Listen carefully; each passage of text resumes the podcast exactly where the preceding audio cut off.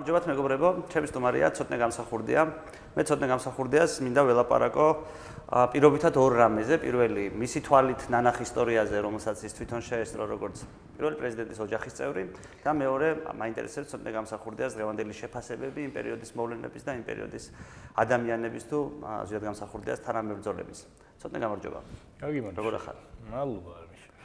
ცოტნე მოდი დავიწყოთ იქიდან შენ რა გახსოვს პირველი შენი ბავშვობა და იმ პერიოდის თბილისი რო აღმიწერო და დამანახო იმ ბავშვის თვალით დანახული ეროვნული მოძრაობა რა რა დოზითაც ქონდა შეხება. ცხადია 100%-ით შენ ვერ გეცოდინება იმ პერიოდში ახდებოდა მაგრამ თან საინტერესოა ბავშვის თვალით ნანახი ეროვნული მოძრაობა. როგორ გითხრა ახლა? მ საინტერესო კითხვაა ეს ის იმასა გავს ის ლექტორები რო ეუბნებიან ხოლმე ოროსა სტუდენტებს ხო იცი მოდი მაშინ ის მოგვიყევით რაც გახსოვთ. ხო ასე ისიც ის რაც ისიც ის მოგვიყევით? ხო ო მაგრამ ამ შემთხვევაში ეს საგანია სადაც ეგ არის ამას ამას ასე ვერ მოგიყვები ესე ვთქვათ როგორ გითხრა ახლა. ბუნებრივია მეხსიერებას აეროს შერჩევითია და ჩემი მეხსიერებაც ასევე და აა კონკრეტულად თუ დასვამ კითხვას ვეცდები კონკრეტულადაც დაგისვა დავსვა ახლა ჯერ ესეთი როგორ მოგიყვე ახლა. ნაცვლეული თუ არა ნუ დაახლოებით 5 წელიწადი გრძელდებოდა თვითონ ეროვნული მოძრაობის აქტიური ფაზა უფრო ნაკლებია ახლა როგორ მოგიყვია დაპყრობილი რო ვიყავით და ოკუპანტი რო იყო ჩვენი უფროსი როდისთვის იყო შენთვის გასაგები როდის გაიგე ამის შესახებ? მე ამის შესახებ მე გავიგე ძალიან ადრე მართალი რო გითხრა ეს იყო 80-იანი წლების ალბათ დასაწყისი. უფრო ადრეც კიდევ აი გაუცნობიერებელ ბავშვობაში რა ასე ვთქვათ. 70-იანი წლების ბოლოს აი მახსოვს რა რაღაც აი ბავშვური რაღაც ტიკ-ტიკის დონეზეც ვიცოდი რომ ესე იგი ტერე იყო გაგებ ინაური მოსკოვი და ასე შემდეგ ახლა ეს ესე ვთქვათ. აა დედის ძესთან ერთად ავითვისეთ როგორ წიზოიან მაგრამ უკვე გაცნობიერებ გაცნობიერებულად ხო როდესაც უკვე სკოლაში წავედი ახლა 80-იანების დასაწყისში და როდესაც სკოლაში წავედი მაშინ მახსოვს რომ აი არ გავიკეთე ოქტომბრის ნიშანი არ გავიკეთე. ყრმალენა იმის სახე რომელზეც იყო გამოსახული. მას პიონერი არ ყოფილა. შემდეგ, მაგრამ ხო და მახსოვს რომ იქ ქონდა რაღაც პოლემიკა, მახსოვს აი ბრეჟნევი რომ მოკვდა, ანდროპოვი რომ მოკვდა, ეს რო წაეწყვნენ ესენი გენერალური ბრივნები. თითო თითო წელიწადში რომ დაიხოცნენ, ასე თქოს, მაშინ მახსოვს რომ აი სკოლაში ფეხზე წამოდგომას ხობდა მასწავლებელი წუთიერი დუმილიც და რაღაც ესეთი და მაშინ 51-11 სკოლაში ვსწავლობდი. შემდეგ გადავედი უკვე სხვაგან. ხო და აი მე იქიდან მახსოვს ეს ძალიან ადრიდან და მოკლედ ესე იგი დაახლოებით 3, 4, 5 წლის ასაკიდან უკვე ეს ნარატივი შეიძლება ითქვას რომ გაშინაგანებული მქონდა, მაგრამ გათვითცნობიერებული არ მქონდა კიდევ როგორ მოგეხსენება რატომ, როგორ პროცესები უფრო. აი ეს შემდეგ მე რო დაიწყო უკვე აქტიური ფაზა ეროვნული მოძრაობის, ეს დაიწყო 97 წელს მე როგორც მახსოვს, მე რა პოსტავა რომ ციხიდან გამოვიდა.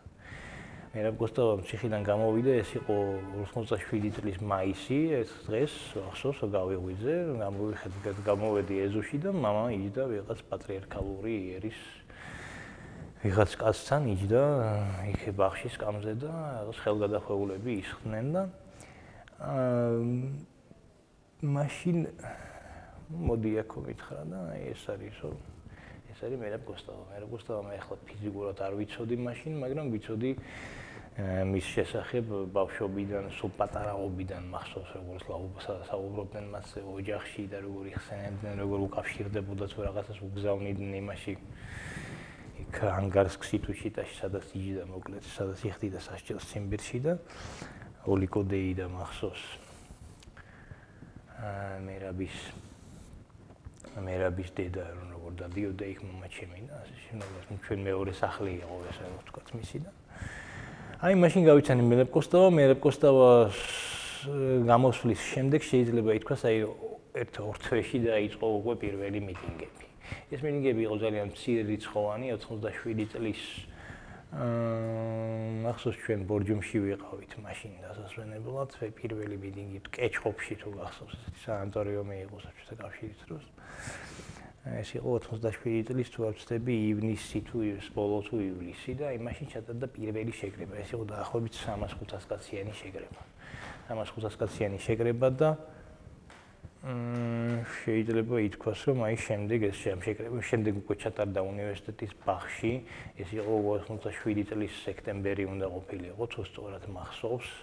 უკვე საკმაოდ ბევრი ხალხი იყო უკვე დაახლოებით 10000-მდე და აი უკვე 87 წლის შემოდგომიდან ასე ვთქვათ გეომეტრიული პროგრესიით იზრდებოდა უკვე ამით დაინტერესებული ხალხის რაოდენობა. მაშინ როგორ უყურებდი ცოტნე რა ხდებოდა შენი თვალით დანახულ საქართველოში? ჩემი თვალით დანახულ საქართველოში გეტყვი ახლა მე მქონდა კონკრეტული რაღაც ესე ვთქვათ ჩემი წვლილი ამ ყველაფერში როგორც აა თინეიჯერს როგორც ეს მოზას უწოდებენ. და მაგალითად მახსოვს ეს მიმართვები პროგრამაციები კი არ ვთქვათ მიმართვები პეტიციები რაც უცელდებოდა მე ვიცოდი საბით მანქანაზე პეიჯდვა და ჩემი მშობლები ახალისებდნენ პრინციპში ამ ამბავს, ერთი რომ ეს განათლებისთვის იყო უკეთესი ამ ტექსტებთან მუშაობის ამბავი და მეორე კიდევ, ну, არ ვიცი, ახლა პატრიოტული დისკურსიც. იყო ამ მომენტში შინაარსი, რასაც აკეთებდნენ. ეს ხომ ეს მოდობა, ხო და აი მაშინ მახსოვს მაგალითად ეროვნული მოძრაობის მოთხოვნები იყო ახლობებით 15-20 მოთხოვნა, აი მაგალითად ვიხსენებ მაგალითად აი იყო ეს, ვთქვათ, ეკოლოგიური კულტურული მემკვიდრეობის საკითხები იყო იქ და დავით არიჩთანავზე არტილერიის პოლიგონი იყო ეს კულტურული მემკვიდრეობის კონცენტრაციის ადგილებში ეს ჰესების მშენებლობა და რაღაც ასეთი საკითხები იყო. იყო რელიგიების რელიგიასთან დაკავშირებული საკითხები ესე ვთქვათ ლიბერალიზაცია ეკლესიების გახსნა და ასე შემდეგ და თავისთავად იყო პოლიტიკური საკითხები თუ ესო, რა თქმა უნდა, ხომ ბეჭდავდი ამას, მაშინ ეს არის ყო დღეს პრინტერზე რომ ამობეჭდავ შენ 1000-ობით და თუ მინდა მილიონობით ცალს რაღაცას. მაშინ იყო, ამას ჩვენ ბეჭდავდით 6-დან 8 ცალამდე, ეს იგი მაქსიმუმი იყო, კაპიროვკა ეგრეთ წოდებული. კაპიროვკით შენ 8 ფურცელს დაბეჭდავდი ყველაზე მეც. ну, სადღაც 5-6 კიდევ მისაღები ხარისხით იბეჭდებოდა რა და ეს შეიძლება დაგებეჭდა ეს, რომ წარმოგიდგენე შენ 6-6 სალად ბეჭდავდი რა, მაქსიმუმ 8-8 სალად და დაგებეჭდა ზაუშვათ 800 ცალი 100 ჯერ უნდა აგეკრიფა ეს ტექსტი, აი მოსას კლავიატურა ხომ არ იყო კიდევ. ახსოვს 98 წელს რომ ნახე პირველი კომპიუტერი და პრინტერი გერმანიაში მახსოვს 98 წელს. და მაშინ ეს ჩემ გაუცებას საზღვარი არ გქონდა. ხო და აი მაშინ მოკლედ აი ეს იყო ჩემი პირველი შეხება, ასე რომ თქვა, მე ახლა ჩვენ სახლში, ჩვენ ეზოში იმართებოდა შეიძლება ითქვას ეს ეროვნული მოძრაობის აქტიური წევრების შეკრება, დაგეგმვა, ყველაფრის რაღაც მოკლედ რაღაც რომდებოდა თანხები ამ ორგანიზაციაზე, გაჭირვებული ხალხის დასახმარებლად, რაღაც პრობლემურ რეგიონებში და ასე შემდეგ რა. ეს მოკლედ აქტიურ პერიოდს უკავშირდებოდა, აქტიურ პერიოდს უკავშირდებოდა ეს ყველაფერი. მართალი რომ გითხრა, მართალი რომ გითხრა ახლა. მე კი არა, რამდენად ხომდა გათვითცნობიერებული მაშინ ძალიან ბევრ ნუ იმჟამად დასრულ ადამიანს და საკოვანსაც ე დღეს დღევანდელი გადასახედიდან გამიჭirdება თქმა იმის მაშინ რა ხდებოდა, აიგე? მაგრამ ფაქტი ის არის, რომ ეროვნულ მოძრაობამ შეძლო ყოველგვარი მედია საშუალებების, თანხების კომუნიკაციის საშუალებებისა და უნარების გარეშე აი პოლიტიკური ხრიკებისა და პოლიტიკური ტექნოლოგიების გარეშე ამავე დროს შეძლო აი MMA-ში რა ქვია როგორც იტყვიან სარაფანნაი რადიო როგორც იტყვიან რუსები აი ამ სარაფანნაი რადიოს და აი საბჭოთა ტელეფონების მეშვეობით აქ იკრიბებოდა რა ვიცი თუ გახსოვთ 90 8 წლის ნოემბერში მაგალითად მე მახსოვს აი აქ ეს რუმიდან თავისუფლების იმჟამად ლენინის მოედნიდან კამდე რესპუბლიკის მოედნამდე დღეს ვარდების მოედანი ქვია რა მგონი? ვარდების მოედნამდე ხო მოედნამდე ეს ეს იყო დაახლოებით 300.000-მდე ადამიანი. 88 88 წლის ნოემბერში 20 წლის ნოემბერში იყო ორკვირიანი შიმშილობის აქცია იყო აქ მთავრობის სახლის წინ იმჟამად და აი მაშინ იყო ყველაზე მრავალრიცხოვანი აქციები შეიძლება ითქვას. 87 არა 88 წლის ნოემბერი იყო დიახ. მიგონდონო აი ესე რა. აი მაგალითად ცოტნე შენ ყოფილ ხარ დისიდენტის შვილიც საქართველოს პრეზიდენტის შვილიც ზოგადად. რა იცვლებოდა შენთვის დამოკიდებულების თვალსაზრისით? აი მეგობრები კლასელები იმ პერიოდის ახალგაზრდობა როგორ უყურებდა ჯერ სიტყვაზე დისიდენტის შვილს და მეორე პრეზიდენტის შვილს რა იყო ცვლილებოდა იცვლებოდა მართალი რო გითხრა შემდეგაც ასე ეხლა პირდაპირ გეტყვი აი დღესაც ასე ვთქვა უკვე დასრულ ასაკში ეს დამოკიდებულება იცვლებოდა და იცვლება. ეს გააჩნია შენ ხელისუფლებასთან როგორ ახარ. ეხლა მოგეხსენება ახლა როდესაც ხელისუფლებაში მოვიდა, აი ბოლო ბოლოდან რო დავიწყო, ხო, აი როდესაც ხელისუფლებაში მოვიდა ქართული ოცნება მაგალითად, მე მივესალმებოდი ამ ამ კოალიცია ქართული ოცნების მოსვლას და უგეთესი დამოკიდებულება მქონდა და რაღაც სხვა იმედები მქონდა ისევე როგორც ქართული საქართველოს მოსახლეობის დიდ ნაწილს და სხვა იმედები და სხვა პერსპექტივები არა პირადად ჩემთვის ეს გამოჩნდა კიდეც რომ პირადი დაინტერესება ხარ მქონია მაგრამ ნუ ზოგადად ასე ვთქვათ აი ერთპარტიული ერთპარტიული სიმახინჯის დაშლაში რაც ჩვენ გვქონდა ქვეყანაში მაგრამ რა ვიცოდი ის თუ კიდევ უარესი გველდებოდა წინ. და აი ამ დამოკიდებულებასთან ერთად ეროდესაც დაუშვათ დამდებითი დამოკიდებულება მქონდა სადღაც საღდრისის ამბებამდე აი ბიძინა ივანიშვილის და მისი ხელისუფლების პირველი ასე ვთქვათ კოალიციური ხელისუფლების მიმართ. ეს ვთქვი აი იმ პერიოდიდან დღემდე აი მას შემდეგ რაც ესე ვთქვათ გაფუჭდა უკვე წლებიას ხუთწელიწადზე მეტია ხო ეს ჩემი დამოკიდებულება. აი ეხლას კი იცვლება ეს ურთიერთობა და ეს დამოკიდებულება ეს მიჩვენ აი მაგალითად იგივე აღარ ჩამოვწვია. ნუსელები მეგობრები ახლა მაშინ, როდესაც მე გამომივლია ახლა ბავშვობაში იგრძნობოდა. ბავშვობაში გაცილებით მეტად გზაფრად იგრძნობოდა ახლა დღეს უკვე როდესაც ჩამოყალიბებული ადამიანი ხარ და ბოდიში სასუფეხებზეც კიდია, ხო ახლა ეს რა ქვია. ესე თქვა შენი სოციუმის, შენი ურთიერთობების რაღაც წრის იმდენად აქტუალური ნაწილი აღარ არის ის იგივე და უშუალოდ კლასელი თუ სხვა ვინმე გესმით თქვენ ჩვენ უკვე დღეს უფრო ავტარკიულები ვართ ხომ იცი ამ სიტყვის მნიშვნელობა ანუ უფრო თვით თვითკმარები ვართ ეს ეს ერთი და მეორეც კიდევ უკვე ჩვენ ჩვენი ჩამოყალიბებული სოციუმი გვაქვს და ჩვენი ურთიერთობები მაგრამ ბავშვობაში ხო ბავშვობაში როდესაც ვინ ხარ ხო ბავშვობაში ყავს ჩვენ ოჯახი ანუ მშობლები და ასე შემდეგ მშობლები და ძმები და ოჯახის სხვა წევრები, ყავს კლასელები, ну, ყავს, რა ვიცი, ალბათ უბნელი მეგობრები ბავშვები, ხო? და ანუ ეს ძალიან მნიშვნელოვან როლს თამაშობს, ხომ ასეა ეს. შენ ფაქტიურად მაშინ არ ირჩევ. შენ მეგობრებს არ ირჩევ და შენთვის ეს ძალიან ის იყო, რა ქვია, ასე ვთქვათ. ძალიან მძიმედ მოქმედებდა, მე მინდა პირგეწყვი, ხა მე მახსოვს პერიოდი, როცა ხალხის წეშვილი ვიყავი. ეს უბრალოდ ასე იყო, ამ სიტყვებით იყო. უბრალოდ ბრეჟნევის დროს მაგალითად. როდესაც მე სკოლაში შევედი, ხალხის შვილები ვიყავი და ეს გრძელდებოდა რაღაც პერიოდის განმავლობაში. მე ეს ეროვნული მოძრაობა დაიწყო, შეიცვალა ბავშვების დამოკიდებულებაც. აა რაღაც პერიოდში 9 აპრილს რო დაიჭირეს ისევ мама და კიდევ რამდენიმე კაცი მაშინაც მე რო გამოვიდა შემდეგ ისევ შეიცვალა მოგესმის შემდეგ უკვე პრეზიდენტი რო ხდებოდა მაშინ და მე რო წავედი მართალი რო გითხრა მე ბავშვების მეგობრები აქ არ დამრჩენია პირდაპირ გეტყვი იმიტომ რომ მე რო წავედი მე აქედან და ესე თქვა ყველაფერი გაწყდა მაგრამ 1-2 ალბათ ერთი კლასელებიდან 1-2 გოგონას გავიხსენებ ესე თქვა რომელიც არ იყო ტიპიური ვაგელი კონფორმისტი ესე რომ ვთქვა და ვისაც ეი კიდევ ახსოვდი ესე ვთქვა მე წავედი უკვე გროზნოში და გროზნოდან კიდევ სხვაგან და სხვაგან ასე ვთქვათ ჩამოვედი საქართველოსში უკვე წლების შემდეგ. ცოტნე თუ გაქნაფს და გექნება ნაფიქრი დარწმუნებული ვარ. შენი აზრით რა რა გააკეთეს იმ პერიოდის ეროვნული განმათავისუფლების მოძრაობის ლიდერებმა, ნუ ძირთადად სვიად გამსახურდებოდა მერაბ კოსტავამ, ისეთი რომ იმ იმ პერიოდში ააგდეს დამოუკიდებლობის იდეაზე ქართული საზოგადოება. დღეს ხო ძალიან რთულია რომ იდეაზე ხალხი გააგდო. მithmetes ეს კომუნისტური საზოგადოება, რომელიც მონობაში ცხოვრობს. და უცბად როგორც ჩვენ ამბობ, რავი, 200.000-იანი, 300.000-იანი მიტინგები დაიწყო ქალაქში. რა იყო ეს რანაირად შეიძლება თან შენ ამბობ რომ რაღაცნაირი რადიოთი მოახერხეს ესო. როგორ ქნეს ეს და დღეს რატო ვერ ხერხდება როგორ რატო როგორ ფიქრობ? რამ შეუწყო ხელი ასე? ხო, ნუ ააგდეს ახლა მე ამ სიტყვას არ გამოვიყენებდი ჯერ ერთი, მაგრამ ასე ვთქვათ, ეს უფრო გოგა ხაინდრავის ტერმინოლოგიით. ხო, მაგრამ იდეაზე ავარდა ხალხი დადებით კონოტაცია. გამოგიდებული იდეაზე ავარდა ხალხი. გოგა ხაინდრავის ტერმინოლოგია.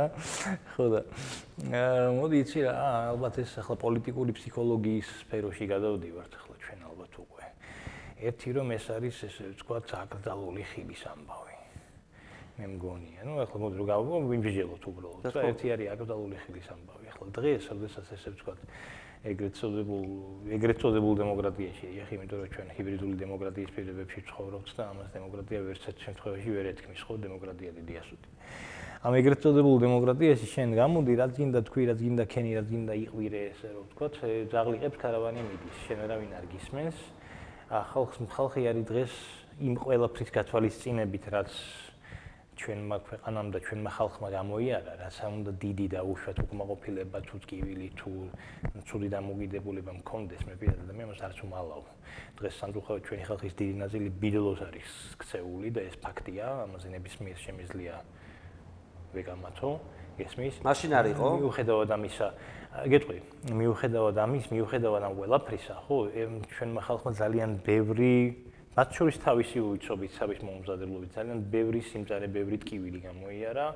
ბევრი ტკივილი გამოიარა, ბევრი манипуляციები შიდა თუ გარე, ასე ვთქვათ, პარაზიტებისა თუ გარე მტრების ხელით მეყენებული და დღეს ძალიან ესე ვთქვათ აა ესეთი ხელაღებით ესე ვთქვათ ყველას ერთ ქვაბში მოხარშვა ძალიან ძნელია მოდი ასე ვთქვათ.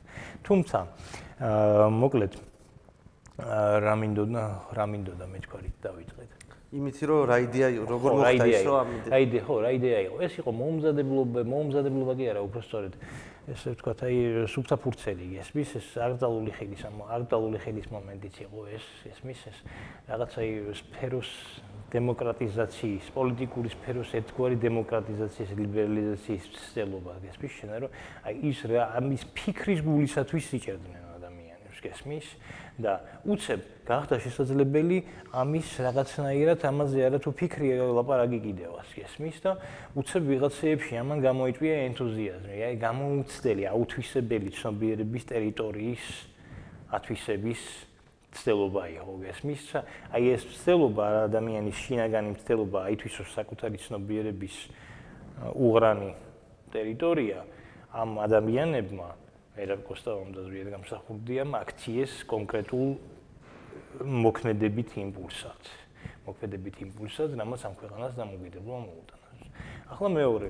აა პოლიტოლოგიურად, პოლიტოლოგიურად რომ იცოდეს, ყველა შემთხვევაში, ყველა რევოლუცია, ყველა სისტემის ნგრევა ყოველთვის ხდება აა სისტემის, ესე ვთქვათ, კანჩების შესუსტების დროს.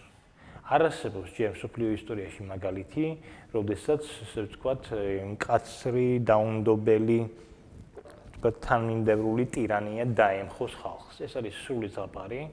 ყოველთვის რევოლუციები და ყოველთვის ვთქვათ, ყოველთვის რეჟიმის ნგრევა ხდება ლიბერალიზაციის მცდელობების დროს. ეს არის აქსიომა.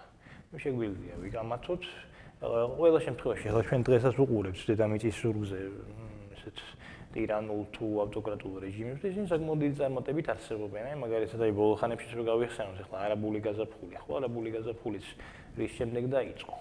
სწორედ მას შემდეგ დაიწყო, რაც იმ ქვეყნებში სახელმწიფო მმართველებმა იქ ეგვიპტე იყო თუ ტუნისი თუ სხვები, იქ ეს სადეს რაღაც ესე ვთქვათ ხალხისთვის. და პერესტროიკამ მოიწონია გავლენა. კი. მოიწონია. ესმის ამის თქმა. ანუ პერესტროიკამ და იმ ნაბიჯებმა იმ ნაბიჯებმა რაც ესე იგი ახლა ერთის რაც საბჭოთა კავშირში ხდებოდა იმ ეკონომიკური კრიზისის და იმ ეკონომიკური დამოკიდებულების ზრდის შედეგად ხო საბჭოთა კავშირი მშიერი რჩებოდა ფაქტობრივად. მე მახსოვს 500 კაციანი 1000 კაციანი რიგები საბავშვო ბაღები რჩებოდნენ მშიერი გესმით თქვენ საბჭოთა კავშირის პერიოდში. როდესაც მას სისტემას უკვე აღარ შეეძლო არსებობა და იძულებული იყო დასავლეთზე ყოფილიყო დამოკიდებული.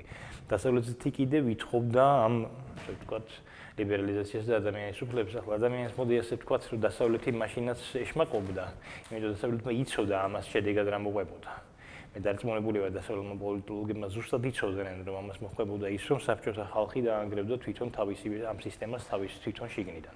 იმიტომ რომ დღეს ძალიან ბევრ ქვეყანაში, მათ შორის დასავლეთის მოკავშირე ქვეყნებში არის რა ვიცი ბრუტალური ავტოკრატიული სულთანისტური რეჟიმებიც და მათ ეს პრობლემას არ უქმნით. აი იქამდე სანამ ეს რეჟიმები მათ საგარეო პოლიტიკურ ინტერესს ატარებენ. გესმით? ანუ მოკლედ ასე იყო თუ ისე იყო. ეს მეორე საკითხი სისტემის შესუსტება. სისტემის სისტემის შესუსტება და ასევე იყო რაღაც გარკვეული ისტორიული მახსოვრობა. მოდი ესე ვთქვათ, ახლა მიუხედავად იმისა, რომ ჩვენ 70 წლის განმავლობაში ვიყავით დაპროფილები, 70 წელი ახლა ჩვენ მასში ჩვენს არსებობის ჩვენ პარადიგმაში, ქართულ ტრადიციულ პარადიგმაში ხო ეს არ არის მაინც და მაინც ბევრი მოიხსენება. ნუ არსებობდა მეხსიერება შენ ამბობ? ხო. კი, არსებობდა.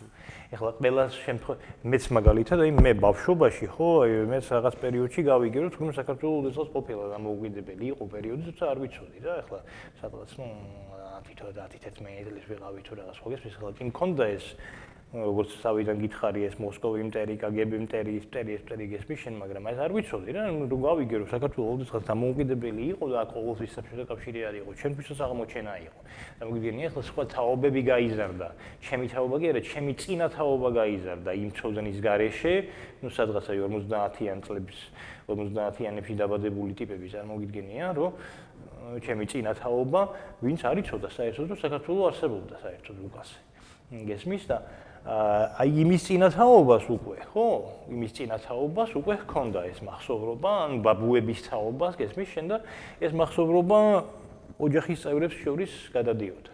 გადადიოდა და მე მგონია რომ ამანას გარკვეული როლი, გარკვეული ესე ვთქვათ, სწრაფვა ადამიანებში თავისუფლებისადმი რაღაც თვითგამოლკვევისადმი ადამიანებში დევს და ესეც იყო მათ შორის რა. ცოტა მე გამიგია რომ კონსტანტინე გამსახურდიას ოჯახში სულ იცოდნენ რომ მისი შვილი საქართველოს განმათავისუფლებელი უნდა ყოფილიყო. რა აქედან რა არის ჭორი და მართალი ეს ზღაპარია, ეს ზღაპარია რომ აი ვიღაც ომ შევიდა კონსტანტინე და აი ეს თქვენი პრეზიდენტი იქნება და რაღაც ზღაპარია, ეს არ არის მართალი. არ არის მართალი. არის. აა, შენგან მაინტერესებს ეროვნული მოძრაობის კონტექსტი. მე ბევრი რამე მინახავს რომ მოძრაობაზე, მათ შორის ნანახი მაქვს ღირსების სასამართლოს ვიდეო, რომელიც დღეს YouTube-ზე და ხელმისაწვდომია. მინახავს იქაური გარჩევები და ცხადი არის, რომ ეროვნულ მოძრაობაში ყველა ერთ აზრზე არისო, იყო მათ შორის კონფლიქტები, ზვიადის ყავდა მეგობრები და მოწინააღმდეგეები. აი შენ შენი დღევანდელი თვალით, მაშინდელი თვალით და დღევანდელი თვალით დანახული კონტექსტი მინდა მითხრა, რა იწევდა კონფლიქტებს ეროვნულ მოძრაობაში შენი აზრით და შეიძლებოდა თუ არა მათი აღმოფხრა, რა იყო საჭირო იმისთვის, რომ სიტყვაზე თანამებრძოლები, რომელსაც ყველას უნდა და საქართველოს დამოუკიდებლობა, რაღაც თვალსაზრისით საერთო საერთო მტრის წინააღმდეგ დაალაგებულიყვნენ. თუ იყო ამის შანსი? რა გითხრა, აბა, ეგ ალბათ შანსი იყო. ალბათ იყო ეს შანსი. თუმცა დღეს ახლა ამაზე საუბარი ძალიან ძნელია. ისტორიას არ უყვარს თურმეობითი კილო. რა იქნებოდა ეს რომ ასე ყოფილიყო ახლა საიწოდა კონფლიქტებს მოდი იქნება ამ მიზეზების გარშევა და მე მაგაზე მაგაზე ხუმრობ ხოლმე რომ ეს ბებია ჩემი რომ ბაბუა ჩემი ყოფილიყო დიდოსად ის მარჯვენას დაძერდა მეთქი ახლა აღარ ვიტყვი იმ სკაბრეს რაც ამ მოსკოვში იგულისხმება ხოლმე. ხო ვიხსენება ისტორიას არ უყვარს თურმეობითი კილო რა იქნება რა იწვევდა ამას მე მახსოვს მაგალითად 87 წელს როდესაც ეს ეროვნული მოძრაობა იწყებოდა ყველა ერთად იყვნენ. პირველი ოთხეული იყო აა мама მერაბ გოსტავა, გია ჭანტურია, ირაკლი წერეთელი, იყო ირაკლი ბათიაშვილიც იყო სადღაც გარკვე ერთ-ერთ პლანზე, მოდი ესე ვთქვათ. ეს ოთხეული თუ იყო აა შემდგომ რაც დაიყო, ეს იყო პირველი ეროვნული მოძრაობის ბირთვი, ასე რომ ვთქვათ. რაიწვევდა კონფლიქტებს, რაიწვევდა კონფლიქტებს და ძალიან ბევრი რამ, ბევრი ძალის მუშაობა, ჩვენი სისუსტეების გამოყენება, ეს ქართული ხასიათი, მე თვითონ წარმოიდგინეთ ახლა ეს დისიდენტები. არა, არ იყვნენ ესენი ადამიანები, ესე ვთქვათ, ჩვეულებრივი ადამიანები არ იყვნენ, გესმით?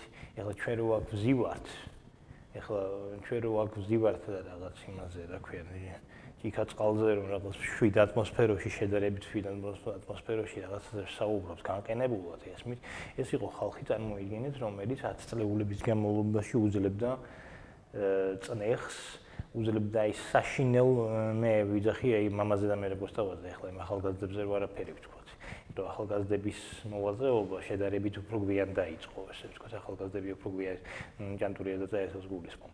ისინი უფრო გვიან ჩაერთნენ, ნუ ირაკლი ბათიაშვილი ხომ საერთოდ სულ ბოლოს და ჩაერთნენ ამ მოძრაობაში და ეს იყო ხალხი, რომელიც 10 წლეულები განიცდიდა დევნას, შევიწროებას, თვალთვალს, აა იყო 1000 გვარი შეთქმულების მსხვერპლი, რეალური თუ ვთქვათ, გამოგონილი შეიძლება ასეთი ასეთი ძალიან ხშირად ხდება, ხო, ზოგადად შენ აცლეულების გამოლობაში ასე შენ შეიძლება ყველ ყველგან მტერი და ყველგან რაღაც გეჩვენებოდეს და ამაში ვერავინ ვერ გაგამტყუნებს. აცალაში ღირსების სასამართლო ახსენე ახლა ეს დღეს ნაზირალები ვიღაცა ნაბიჭრები მე ახლა უფრო უარესი სიტყვებით რომ არ ვთქვა, იმაზე რა ქვია, კაცს რომელმაც ახლა უშუალოდ დაუშვათ ყველაზე უარეს შემთხვევაში სისუსტე გამოიჩინა და აი ეს მოინანია და უშუალოდ ეს მონანიება ადამიანი რომელიც 10 წლეულების განმავლობაში იბრძოდა ამ ქვეყნის თავისუფლებისთვის. როდესაც აი ეს ნაბიჭრები ეს არაკაცები და არაკალები ვინც მას დღეს ამაში ამტყუნებს გესმის მაშინ როდესაც ისინი ყველა პრივილეგიით სარგებლობდნენ და როდესაც ეს ბრეჟნევის ხელისუფლებას და იქამდე კიდევ სტალინს უკმევდნენ გუნდრუქს გესმის შენ ეს ნაზირალები და სარგებლობდნენ ასე ვთქვათ ყველა სიკეთითა და ყველა ესე ვთქვათ ხრავდნენ პირდაპირ რომ ვთქვათ იმ რაღაც ავტოკრატიულ, კლეპტოკრატიულ რეჟიმში ხრავდნენ ამ ქვეყანას და შემდეგ ზვიად გამსახურდიას ამტყუნებენ აი ამ სისუსტისათვის. ესმის და სისუსტეს და კიდევ ადამიანს, რომელმაც ამ სისუსტის შემდეგ კიდევ ამას თუ სისუსტეს დავარქმევთ, გესმით თქვენ? ამ სისუსტის შემდეგ კიდევ ამ ადამიანმა წამოაყენა ფეხზე მერე პოსტავასთან ერთად ეროვნული მოძრაობა და ამ ქვეყანას მოუზანა და მოუზანა. ანუ ენას ზვალი ენას ენას ზვალი არა აქვს გესმის შენ და აი იმ ამ ამორალური არსებების მიერ განსჯილ თუ განკითხულ აი ამ ეროვნული მოძრაობის წევრებს თუ ლიდერებს მე მე ვერ მივიღებ ამ ნარატივს როგორც დღეს იტყვიან რა აა მე სხვათა შორის იმ ადამიანებს რამდენიმე ადამიანს ველაპარაკე მათ შორის ამაზე რაც ახლა შენ საუბრობ და მაინტერესებდა აი თუნდაც მაგ აღიარების მერე როგორ მოახერხა ზვიად გამსახურდიან ფეხზე წამოდგომა და ეგეთი ძალიან საინტერესო პასუხი მივიღე ერთ-ერთ რესპონდენტისგან თორცდები არ მინდა არ მინდა შემეშალოს მაგრამ თორცდები იყო ირაკლი წერეთელი. რომელმაც თქვა რომ ზვიად გამსახურდა ამის მე არ გაჩერებულა ანუ ამ ამის მე ის ის როგორც მე დამჭა შტაბეჭლება შეიძლება ვწდები მაგრამ ამ წუთას შტაბეჭლება მაგ ის მიუხედავად ამისა ის უფრო მეტად აგრძელებდა იგივე საქმიანობას რის გამოც მანამდე არ არ არ და არ და სემოლოგის მით არ და სემოლოგის ახლა ჩვენ ყველა ვეცემით. ახლა ბოლო ბოლო ეს რა ქვია მე ვიტყვი ახლა ალბათ აი ამ წლების განმავლობაში, ამ წლების განმავლობაში კიდევ განსაკუთრებით ჩვენ იმდენი რამე ნახეთ და იმდანაც გაუყომართ საქართველოს ადამიანის ცნობიერება, გესმით ჩვენ ნების მე რამ შეიძლება გაასაღოს, შემოატრიალოს, ესე იგი მისმა ეგომ რაღაც აი მისი შეხედულებების თუმცა კონფლიქტის მიზეზი ეროვნულ მოძრაობაში როგორ მარტო ეს საბაბი არ იყო უფრო მგონია რომ ეს საბაბი იყო. ანუ საბაბი არა მაგაზე მაგაზე ეს ეს ეს ეს უბრალოდ მაგალითად მოვიყვანე ხო ანუ მე რა მაინტერესებს ეს შენი აზრით რა განსხვავებები არსებობდა ამ ადამიანებს შორის რის გამოც არა ვიცი პრინციპული განსხვავებები არ არსებობდა ხა მოგიხსენება მაშინ არ არსებობდა არც რაღაც პოლიტიკური იდეოლოგიები მწყობრი არ არსებობდა, არ ქონდათ ამ ადამიანებს და არც ესე ვთქვათ მემარჯვენე მემარცხენეება დაყოფა, ეს იყო ერთადერთი დისკურსი, ეს იყო ქვეყნისათვის დამოუკიდებლობის მოძანის დისკურსი. შემდეგ იყო ახლა გარკვეული დაყოფა. აი მაგალითად იყო დაყოფა, პირველი დაყოფა ეროვნული მოძრაობის სად მოხდა, ხო? როდესაც ესე იგი ფილარმონიაში შეიკრიბნენ, ფილარმონიაში შეიკრიბნენ და გარკვეულმა ნაწილმა აირჩია 90 რომელი წელი იყო 90 10 წელი იყო თუ 99 90 მე მგონი. ხო 90 წელი.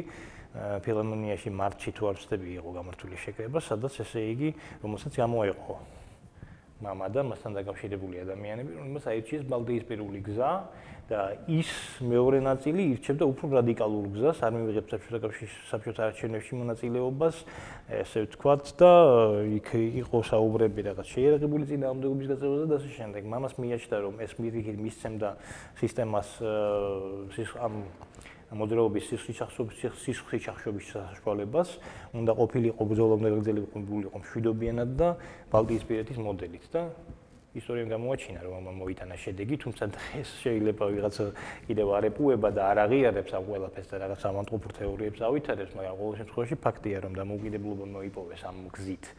სამაბალდიის პირის რესპუბლიკამ და აგერ საქართველოს. მე მაგაც ინფორმაცია მაქვს მაგ მოვლენებზე, ჩემს ინფორმაციას აზრით, რაც დამჭა შტაბეჭდება, რაც ამ ხო, მე ესეთ ინფორმაცია მაქვს და მგონია რომ ყველა აღიარებს ფაქტორად რაც ველაპარაკებოდი, რომ ზვიადის პოლიტიკური ნაბიჯი სწორი იყო. უბრალოდ მანამდე ზვიადიც იყო წინააღმდეგი საბჭოთა არჩევნებში მონაწილეობის მიღების, უბრალოდ მან თუმცა არგუმენტი ჩემთვის გასაგებია, ანუ არგუმენტი ზვიადის არგუმენტი გასაგებია, ეს არგუმენტი იყო ის, რომ ფაქტობრივად მაგ დროს მიიღო უზენაესმა საბჭომ დადგენილება, რითაც საბჭოთა კავშირი ფაქტობრივად ოკუპანტმა ოკუპანტად აღიარა და შესაბამისად ასეთ ასეთ რეალობაში დანიშნული არჩევნები მისაღები იყო. ნუ რაღაცნაირად გავიგე ეს ეს ეს ეს იყო გასულ ახლა პოლიტიკა არის შესაძლებლის ხელოვნება, ხო? ახლა დღეს ის ადამიანები, ვინც იძახდა რომ საქართველოს ქართველებისთვის ვისაც წესდებაში ეწერა და ვისაც წესდებაში ეს პარტიის წესდებაში ეწერა რაღაც თეოკრატიული სახელმწიფოს მშენებლობა და ვისაც წესდებაში რაღაც ასე ვთქვათ სულიად მანიაკალური რაღაც თეზისები ჰქონდა ისინი ამბობენ რომ გამსახურდზე პოლიტიკოსი არ იყო და აი ეგ ახლა რას თქვენ აღწერეთ იეგო ეს არის ვინა პოლიტიკოსის ქცევა ხო? რომ შეცვლილ რეალობაში მან მიიღო ზუსტად ის გადაწყვეტილება რაც უნდა მიიღო და ამ გადაწყვეტილებამ მოიტანა შედეგი. ამ გადაწყვეტილებამ მოიტანა შედეგი ის რომ დღეს ეს ქვეყანა დამოუკიდებელი ეს მათი მცდელობით არ არის ეს ქვეყანა დამოუკიდებელი და ეს ფაქტია გესმით? სხვა მათი მცდელობით სწორედ შემდეგ ესე ვთქვათ, ჩავარდა იმ ორმოში, სადაც ჩავარდა, მაგრამ ეს უკვე ხო თალგე საუბრისთე. აა, ცოტა შეიძლება გისაუბრია კიდეც ამ თემაზე. ხო და რა მინდოდა მე თქვა? ხო და ამ განხეთქილება ახლა რა ხდებოდა? ძალიან ბევრი ძალა მუშაობდა, მათ შორის ახლა მათ შორის იმჟამინდელი კომუნისტური ძალა. ძალები, უფრო სწორედ, კომუნისტური ოფიციოზის თუ კგბ-ს თუ რაღაც ნომენკლატურასთან დაახლოებული პირების მოგახსენება ახლა საქართველოს პატარა ქვეყანა და ძალიან ადვილია აქ ყველა ადამიანთან საერთოდ გამონახვა. აი ასე შეიქმნა თავის დროზე ცეკას და პირადად აი გურამ გელაძის ერთ-ერთი კომუნისტი, კომუნისტი მაგნატის თუ როგორ უწოდო მას, ვთქვათ, ან კომუნისტი მაგნატის მცდელობის ასე შეიქმნა თავის ძროზე მაშველთა корпуსი და შემდეგ მხედრიონი, გადაკვალიფიცირდა მხედრიონად. ასე ამ ეროვნული ფორუმი, როდესაც შეიქმნა ეროვნული ფორუმი, ეს საპირწონეთ ესე ვთქვათ, აი მამას მხარეს გაერთიანებული ძალებისა. ეს ამ ეროვნული ფორუმის უკანაც ეს გულამ გელაძე და ვიღაც ასე ვთქვათ კომუნისტი ბობოლები კარგი სიტყვა გამახსენდა. ეს კომუნისტი ბობულები იდგნენ ის მაშინდელი საბჭოთა ინტელიგენცია ასევე ცდილობდა ამ ეროვნული მოძრაობის გარკვეულ ნაწილზე გავლენის მოხდენას გესმის, ანუ ეს ისინი ერთ ადგილას არ მდგარან, აი ეს ყველა ეს ყველა ცდილობდა ამ ეროვნული მოძრაობის დანაწევრებას, მასში რაღაც გარკვეული რაღაც პროტეჟეების გაჩენას გესმის, მათთან საერთო ენის ნახვას, აი რა თქმა უნდა, ახლა მუშაობდა იმჟამინდელი საბჭოთა უსული სპეცსამსახურები კგბ და შემდეგ ასე რომ ესე ადვილი არ ყოფილა ერთ ერთობა ერთობის შენარჩუნება საკმაოდ ძნელი იყო. თუმცა დღევანდელი გადასახედიდან ახლა ხო იცი გრემი რომ გადაბრუნდება ამ კითხვის პასუხად საბდაპირველი კითხვის პასუხად ვიძახი გრემი რომ გადაბრუნდება ლაპარაკი ადვილია მაგრამ ალბათ მაინც შესაძლებელი იყო ერთობის შენარჩუნება. ხო. ხო არ გილაპარაკია ბატონ გამსაზვიად გამსახურდიასთან, მაგალითად, როგორი ქონდა, როგორც შვილს შეიძლება, როგორც, რა ვიცი, შეიძლება მოგისმენი ამაზე საუბარი, მე ძალიან მაინტერესებს, მას როგორი საქართველოს ქონდა წარმოდგენილი გარდა დამოუკიდებლობისა. დამოუკიდებელი საქართველოს გასაგებია ქრისმის ყველას, როცა ქონდა და გამოაცხადა კიდეც. ამ მიზანს მიაღწია. სხვა რა მიზანი ქონდა, როგორი უნდა ყოფილიყო დამოუკიდებელი საქართველოს, ამაზე ხო არ გისაუბრია? როგორ გითხრა? ახლა მე ასე პირადად როგორ გითხრა რომ ამ თემაზე არ მისაუბრია. მისაუბრია, მაგრამ მე მისი საუბრები რაღაც მისი მოსაზრებები მაქვს მოსმენილი. მე საერთოდ ძალიან მოგზალებული და მოგედებულება მქონდა მასთან. ხო და აა გერესე პირველ რიგში ეს უნდა ყოფილიყო კეთილდღეობის, კეთილდღეობის სახელმწიფო. ეს ის წინააღმდეგი იყო ყოველგვარი ველური კაპიტალიზმის პირდაპირ გეტყვი. ველური კაპიტალიზმის ეგრეთ წოდებული პრიხვატიზაციის შემდეგ ახორციელდა მას უნდა ესე ვთქვათ ძალიან ესე ვთქვათ ნელარყებების გარეშე გადაეყვანა გადაეყვანა ეკონომიკური ცხოვრება განსაკუთრებით ეკონომიკური ცხოვრება გადაეყვანა ვთქვათ, საკუთრებასა და დამოკიდებულება ქონდა. თავისუფალი ეკონომიკის ღირსებზე, რა თქმა უნდა, ეს უნდა შეცვლილიყო. მას აქვს კიდევაც ამ თემაზე მისი სტატია არის, აი როგორ საბჭოთა ცხოვრების წესი, მე შემიძლია გამოგიგზავნო ლინკი. საბჭოთა ცხოვრების წესი, ეკონომიკური ცხოვრების წესი პირველ რიგში როგორ აღალიბებდა რაღაც არაჯანსაღ კრიმინალურ დაჯგუფებებს, მაფიებს, მათ შორის ხელოვნებაში, სპორტში, კულტურაში გესმის და ესო ლიბერალ ამ სფეროების ლიბერალიზაცია, ეკონომიკური ცხოვრების ლიბერალიზაცია, ეს სიტყვა სიტყვით გეუბნები და სამოს. ეკონომიკური ცხოვრების ლიბერალიზაციაო და ეკონომიკური და პოლიტიკური უბრალოდ გამოიწვევს ამ მაფიების დაშლას, ის რომ ისინი აღარ გახდებიან საჭირო. მის და ბოლოს ამის ასე ამთავრებს რომ საქართველოს სამხრეთის ქვეყანაა და აქ ზარმაც და მუქთახურათა და უსაქმურთა ძინაამდე ბრძოლა ძალიან ძნელია. ანუ ზუსტად იმას ამბობს, რაც ესე იგი, რაზეც გვაქცია ჩვენ ახლა მანამდე სამე მგონი არ არ წვედით ვარსკვლავებს. საბჭოთა კავშირამდეც შრომის მოყარეობით ახლა ჩვენ ისტორიას თუ გადაავლებთ თვალს. ეს მის, მაგრამ შემდეგ რა ორმოშიც ჩაგვაგდოს საბჭოთა კავშირმა, ის ზუსტად აბსოლუტურად ზუსტად აანალიზებს. ცოტნე როგორ ფიქრობ, ვინ იყო ესეთი თანამებრძოლი? ხო და მას ანუ ანუ მას უნდა და ესე ვთქვათ, მას უნდა და გათავისუფლება, მომხდარი იყო გათავისუფლება სხვადასხვა სფერო, არა მხოლოდ პოლიტიკური თავისუფლება. მომხდარი იყო ეკონომიკური ცხოვრების გათავისუფლება, სოციალური სფეროს ასევე გესმის, მაგრამ არ უნდა და ეს მომხდარი იყო შოკით. გესმის, შოკით, რასაც შეიძლება ითქვას, რომ ალბათ მილიონზე მეტი ჩვენი თანამოქალაქის სიცოცხლე შეიძლება.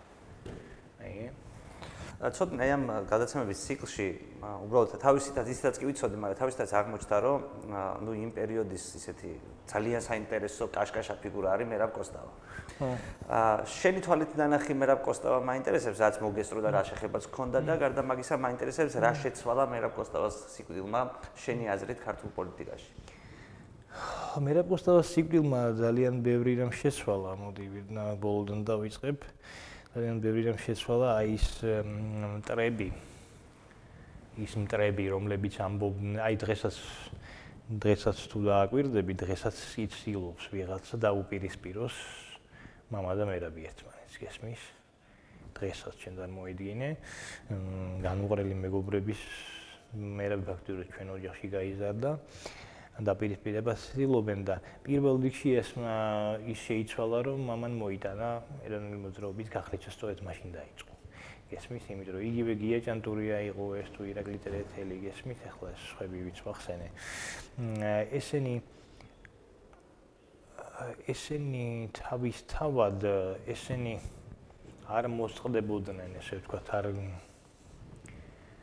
არ გახდებოდნენ ესე ვთქვათ განხეთქილების ინიციატორები მათ რომ არ ქონოდათ რაღაც გარკვეული რომ არ ყოფილიყო რაღაც გარკვეული მომზადებული ფლანგი უკვე ესვის შენ გასახლეჩად. და ეს ფლანგი იყო სწორედ აი ამ ტიტელი ინტელიგენციის კომუნისტური ნომენკლატურისა და ბობულების და უშიშროების კომიტეტის მიერ შექმნილი ესმის ეს რაც შემდეგ იქცა ეროვნულ ფორუმად და რასაც მე ეს ვთქვათ შეუერთდა მხედრიონი თუ მაშვილთა კორპუსი და ასე შემდეგ ეს მზადდა ეს ამის შესახებ ახლა ეს ვიდეო ფირებიც არის ინტერნეტში ესე იგი ეს ეროვნული დიდი ეროვნული მოღვაწეები როგორც ზიან მაგალითად იქ თუ ვიღაცა მოსკოვში ქეიფობენ ჯაბაიოსელიანი რამას შეკვაძე ეს ვითომ ეროვნული მოღვაწეები ერთად გესმის რაღაც გეგმებს აწყობენ ინტერნეტში დევს ეს პირები მოიძე მოიძე მოიძებნება გესმის აი ამას აა ეს შეიძლება ცოტა უფრო გვიან მომხდარიყო ან არ მომხდარიყო საერთოდ რომ ყოფილიყო მერაბ კოსტავა ესმის რომ სანამ მერაბკოსტავა ცოცხალი იყო აი იმ იმ კამპანიას მამას წინააღმდეგ გაუჭirdებოდა იმ კამპანიის წარმოება თვითონ შიგნით ეროვნულ მოძრაობაში. ახლა კომუნისტური ხელისუფლებიდან რომ მომდინარეობდა ეს აგრესია და დაპირისპირება და საწინააღმდეგო კამპანია ეს ნუ ბუნებრივია. და თვითონ ეროვნულ მოძრაობის გახლეჩა გაუჭirdებოდა. რაც შეიძლება ახლა როგორ მახსოვს მე მერაბკოსტავა ძალიან ისეთი კეთილი და დებითი ადამიანი იყო. კეთილი დადებითი ადამიანი იყო, იყო რაღაც პერიოდი, ახლა ციხიდან ახალი გამოსული. წარმოიდგინე ახლა 10 წლის განმავლობაში.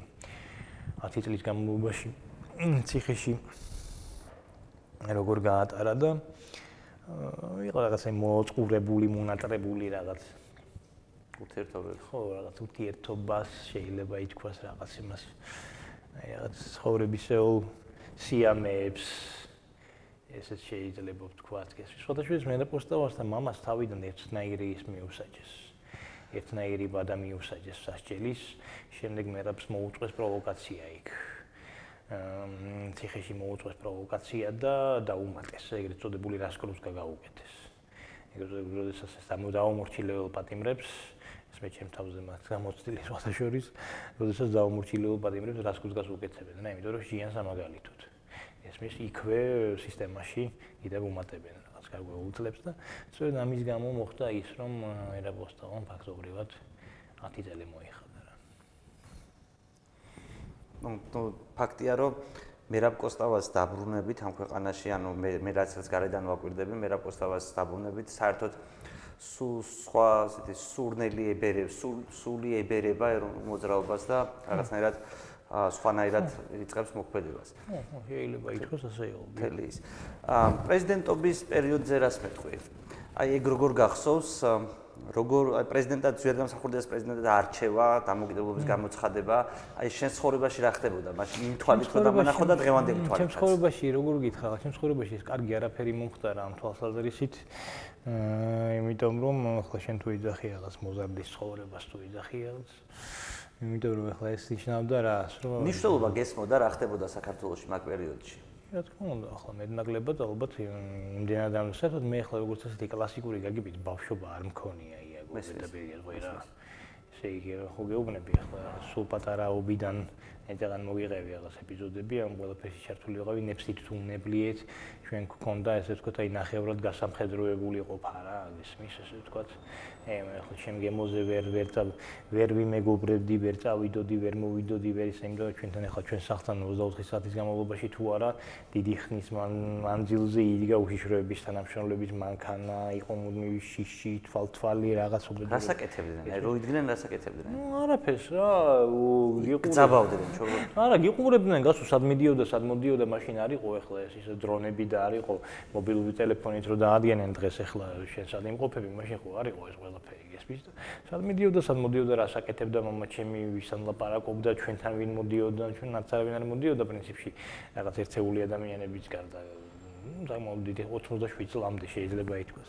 ეხლა მე ამიტომ მეცინება ხოლმე რომ მეტყვი, ანუ იმის შენ პატარა მახსოვ ხარ, მე პატარა ვერ ვეხსოვები, იმიტომ რომ მე როდესაც პატარა ვიყავი, ჩვენთან მოდიოდა სულ, რა ვიცი, ალბათ 5, მაქსიმუმ 7-8 ადამიანი. იგი ამიტომ ამ ქვეყანაში მე არც ისე ბევრს მახსოვ ვარ პატარა. და ასე რომ ვთქვათ, გესმის და აი ესეთი სიტუაცია იყო რა. აი მას მე რაც ხო და რაც შეიძლება პრეზიდენტობას ახლა. შეიძლება პრეზიდენტობა შემდეგ იყო ახლა პერიოდი როდესაც ეს ეს ღია წყაროებში არსებობს ეს ინფორმაცია მაგალითად ვინმე გენერალი ჭალებში დუმბაძის ტიგნი თქვენი ჭირიმე ბიჭებო თუ რაღაც ეგეთი სლეობა უგაცრავად სიტყვაზე იქ სადაც წერს ტიპი რომ ისინი გეგმავდნენ ზვიან კოლხური კოშკის მოხსადგომებთან კომუნიკაციებს შეისწავლიდნენ როგორ უნდა აეფეთქებინათ აა გამსახურდია თავის ოჯახით და ის რა ქვია რაღაც სამდენიმე ათეული რაღაც რეკრუტირებული ტიპები იყვნენ გამოყოფილი რომ ჩვენ ძელვას ავეყვანეთ და ამგზის მოეხდინათ მამაზე ზენ ანუ კარგი არა როდის როდის როდესაც პრეზიდენტი იყო.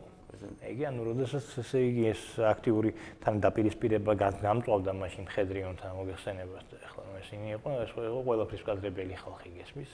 გამოგიდგენია ამიდან აა მოსკოვიდან ხარდაჭერილი რაღაც ბანდიტები, ქართველი ტიპები, რომლებიც მიიჩნევენ საკუთარ ხელისუფლებას ებრძვიან, ებრძვიან, იღებენ დაფინანსებას იარაღს, ხარდაჭერას იმიდან, რა ქვია, რუსეთიდან. ესმის ყოველ შემთხვევაში შეიძლება ახლა ყველა რიგითი ვერაცნობიერებდა, რაღაც რიგითი ბანდიტი ამ ყველაფერს ესმის. ძირითადად ესენი შედგებოდნენ რაღაც ციხიდან გამოშვებული ტიპებიდან და რესიდივისტებიდან.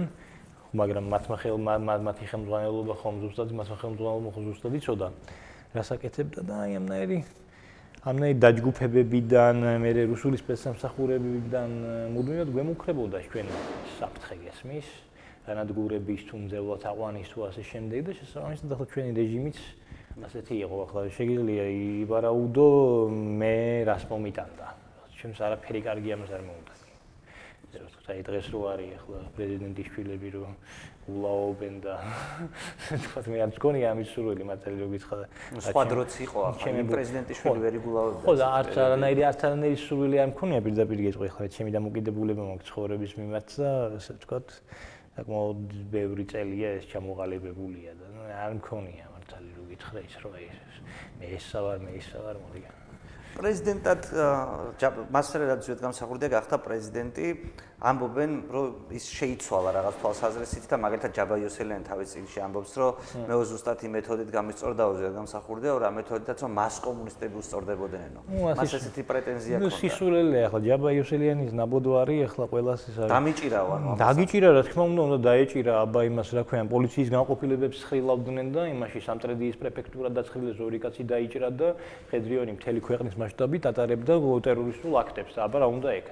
ეკნა ვიეტნამსახურდია ტერორისტი და ის არ ყოფილა იმას რა ქვია ბომბებით არ დარბოდა ეს ვის და პროვოკაციებს არ აწყობდა და როგორ როგორ როგორ ადარებს საკუთარ თავს იმას რა ქვია. აი მაგალითად დისიდენტურ მოძრაობას. მაგალითად გიაჭანტურიას მიტინგის დარბევ დარბევაზე თუ დაშლაზე რა სიტყვის სწორი იყო შენი აზრით? ეგნაბიჯი თუ გიაჭანტური გიაჭანტური გიაჭანტურიას მიტინგის გიაჭანტურიას მიტინგის დაშლა შეიძლება რა ვიცი ისი როგორი რაღაცაა ჯერ ეს ერთი ეს ჯერ ესეთი ეს გაიგო მან პოსტფაქტუმ, ანუ საკმაოდ დიდი წილი იყო ამ ყველაფერში იმისა, რომ ეს იყო პროვოკაცია. ეს იყო პროვოკაცია. საინტერესოა, რომ ამ მიტინგის დამშლელები შემდეგ უკვე მამას წასვლის შემდეგ შევარდნაძემ ყველა დააძინაურა. ეს მისე ძალიან საინტერესო ფაქტია რა. ვინც ეს მიტინგი დაშალა, ხო, შემდეგ მათთან დამეგობრდა ჟანდურიაც და ბუჩისტები და შემდეგ შევარდნაძის საბრობაში ყველა დაძინაურდა, ასე ვთქვათ, გადატრიალების შემდგომ თავრობაში. პოლიციელებზე ვამბობ, ესმის.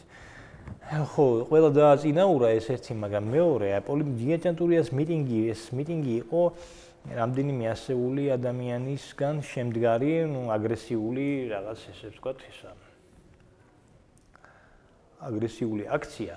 რომელიც ემსახურებოდა ერთ მიზანს. მაშინ იმჟამად იყო საქართველოსი სტუმრად რიჩარდ ნიქსონი და ამერიკო ჩამოსული იყო ცხოვრები რიჩარდ ნიქსონი თუნდა ჩამოსული იყო და ამერიკელი კონგრესმენები. და ამას ჰქონდა ერთ-ერთი მიზანი, ეს აქცია იმართებოდა მოსკოვიდან.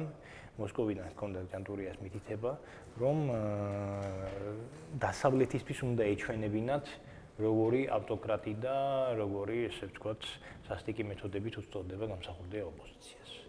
აი ეს იყო ამას შემდეგ მოხდა სხვადასხვა ბეიკერის წერილი ბეიკერის წერილი რაღაც რაღაც დიპლომატიური დემარში ბეიკერის ამერიკის საელჩოს მხრიდან და ამ არსებობს ასევე ინტერნეტში დებს მამას პასუხი ბეიკერისადმი. ესე იგი რო როგორ უხსნის იგივე მხედრიონთან დაკავშირებით იგივე შეერაღებულ ოპოზიციასთან დაკავშირებით თავაზობს მას ჩამოსვლა სიტუაციის უკეთ გაცნაში უკეთ გარკვევას და ასე შემდეგ. გესმის ხო და ანუ ეს იყო რაღაც მიზანმიმართული პროვოკაცია, თუმცა პროვოკაციის თავიდან არიდება შეიძლებოდა. მაგრამ აი ხომ გეუბნები რა, შეიძლება ახლა შემდეგ სახელები და გვარები თავად გეტყვი და შეიძლება შეამოწმო. ყველა მათგანი დაწინაურდა და ვიცი იმას რას უკავშირებ, რომ მისი მის მიერ არჩეული ორი თანამებრძოლი გახდა ფაქტობრივად მისი შეიარაღებული მოწინააღმდეგე, თენგიზ სიგუა და თენგიზ კიტოვანი. შეცდომა იყო ეს ორი ადამიანი თუ? თენგიზ არა მოდი თენგიზ სიგო თენგიზ კიტოვანი კი არა მოდი ესე ვთქვათ. ნებისმიერ სიტუაციაში თან მithumides საქართველოსში ამ ადამიანები მოღალატეების ნაკლებობა არ არის მოდი ესე ვთქვათ. ის რომ დაუშვათ მთავრობაში ორი ადამიანი გადაიბირეს მხოლოდ ორი ადამიანი გადაიბირეს იმჟამინდემა რუსულ სპეცსამსახურებმა და იმ ძალებმა ვინც იდგნენ რეალურად ამ სახელმწიფო გადატრიალების უკან ეს კიდევ გასაკვირიც არის მე თვითონ მითხო. ახლა სიგუას და გიტოვანის დემარში დარჩებოდა ну, რა ვიცი, მაქსიმუმი რამდენიმე ათეული ადამიანის დემარშად, რაღაც ამბოხებად, რო არ ყოფილიყო ის მხარდაჭერა, რაც მათ შემდგომ მიიღეს იმპერიული ძალების. ეს მე სულს არ მიკვირს იმ ძალების მასშტაბისა და სიძლიერის გათვალისწინებით, რომელიც გვიპირისპირდებოდა. უპირისპირდებოდა საქართველოს მოდი ესე ვთქვა. მე თვითონ რა ვიცი. ორი მოღალატე თუ გვიკვის ამ ქვეყანაში და მართლა აღარ ყოფილა საშველი აა მე გამიგია თორსემ ნემო ბურჭულაძემ მითხრა უბრალოდ შეიძლება შენც კონდეს ამაზე ორზე ორზე ორზე მეტიც იყო ისე რეალურად ახლა სიგუა და კიტოვანი უბრალოდ ისე რა არის? სიგუა და კიტოვანი ყავთ მაგალითად მაგალითად კი არა ვიღაცებს უნდაც გამოიყვანონ სიტყვის ესე იგი ეს ქვეყანა დაანგრია სიგუა და კიტოვანმა და ეს ვიეტნამსახურდიას კრეატურები იყვნენ. და ისე მგვალი მაგი და ერთმანეთს დაუპირისპირდა და მას დაუპეს ქვეყანა იგი არ ყოფილა საბჭოთა ინტელიგენცია, რომელსაც იმას რა ქვია. რა იყო მაგათი როლი ძალიან კაია, მაგას რო შეეხე საბჭოთა ინტელიგენცია. საბჭოთა ინტელიგენცია ამაზე უკეთ შევარდნაძეზე უკეთესად ამას ვერავინ ვერ იტყოდა, კაცო არ ყოფილა თითქოს საბჭოთა ინტელიგენცია, რომელიც აეროპორტში დახვდა შევარდნაძეს და მან მადლობა გადაუხადა ამ ინტელიგენციას იმაზე იმისათვის რომ ინტელიგენციამ იარაღი აიღო ხელში იარაღით დაუპირისპირდა დიქტატურას იძებნება ასევე შეგიძლიათ მოძებნოთ ეს შევარდნაძის ვის ეჭირა იარაღი საბჭოთა ინტელიგენტები? აა საბჭოთა ინტელიგენტებიდან ეჭირა იარაღი ბუბა გიგაბიძეს მაგალითად როგორც აა ამბობენ როგორც მე პირადად არ მინახავს მაგრამ ამბობენ რომ ერთ-ერთი მიტინგის დარბევის დროს მას ეს აა ნიღაბი ჩამოხადეს. აა ასევე არის საუბარი დამას შეკვაძეზე აა იგივე ვახუშტი კოტეტიშვილი, რომელიც ახლა თვითონ შეიძლება იარაღი არ ეჭირა, მაგრამ რაღაც სიაფასიან პროვოკაციებში მონაწილეობდა. აგესტურუა იყო იდეოლოგი, ასე ვთქვათ, იდეოლოგიური გამправებელი, როგორც დღეს უწოდებენ აგერც. კიდევ ნუ რა ვიცი შენგელაიები, შენგელაიები ახლა იარაღით თუ იდეოლოგიურად თუ ფულით თუ ყველანაირად მონაწილეობდნენ და ამას არც მალავდნენ თავის ძროზე. ამას და ფაქტობრივად აი ყველა ის ვისაც დღეს ვარსკვლავებია გიგა ლორთქიფანიძე ყველა ის ვისაც დღეს ამ ქალაქში ვარსკვლავებია გახსნილი ფაქტობრივად აი კედელთან მიზაღენებელი სამშობლოს მოღალატეა. მე არ შემოგინდები ამ სიტყვების თქმას. მithumetes იმ ყველაფრის შემდეგ რაც ამ ადამიანებმა გაუყო ესენი ესენი ზვიადის დაუპირისპირდნენ ბოლოს თუ სიტყვაზე თავიდან ზვიადის არა ზვიადის არა ზვიადის არა ეროვნულ ხელისუფლებას უპირისპირდებოდნენ ზვიადის დაპირისპირება ეს არ ყოფილა რაღაც იმაში რა სამსახურეობრივი ინტრიგა არის. აი მაგალითად 70-იან და 80-იან წლებიდან იყვნენ ზვიადის მოწინააღმდეგეები თუ სიტყვაზე მასმედიას და ესენი იყვნენ კაცო ესენი იყვნენ ეროვნული მოძრაობის მოწინააღმდეგეების პირველ რიგში.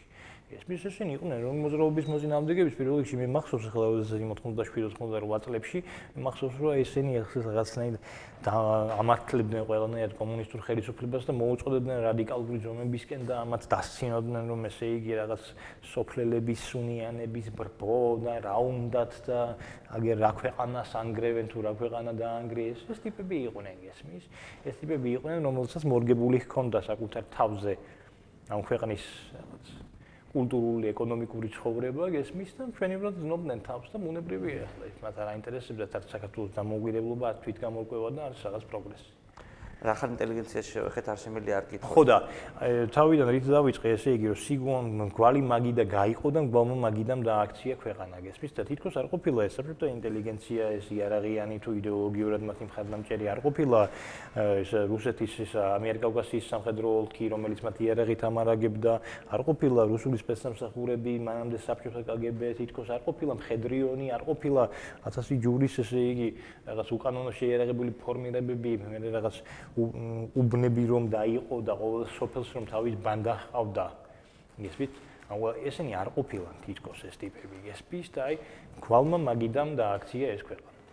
აუ და არ ყოფილა კიდევ ამ ყველაფრის არქიტექტორი ედუარდ შევარდნაძე. თითქოს ესე იგი რომ მას ეს ეს ქვეყანა სამ ცეცხლის ალში გახვია და შემდეგ ესე იგი ჯართად გაყიდა და ჯიბეში ჩაიდო ამ ქვეყნის პოლიტიკური თუ ეკონომიკური რაღაც დივიდენდები და დოლარი. ცოტნე არ შემიძლია ეს კითხვა არ დაგისვა. ძალიან მაინტერესებს შენ თვალით დანახი ზვიადის დამოკიდებულება რელიგიასთან და ეკლესიასთან. ეს ორი სხვადასხვა რამეა, ცხადია მე მესმის და ამიტომ ორივე მაინტერესებს. ხო, რელიგიასთან და ეკლესიასთან ახლა რელიგიური კაცი იყო. რელიგიური კაცი იყო, შეიძლება ითქვას, თუმცა მას არ ყო წარმოიდგინე მაინც თეოდემოკრატიას აწვებოდაო ერთ-ერთი არა, სულე თეოდემოკრატია ეს ეწერა, თეოდემოკრატია ეწერა ჭანტურიას პროგრამაში.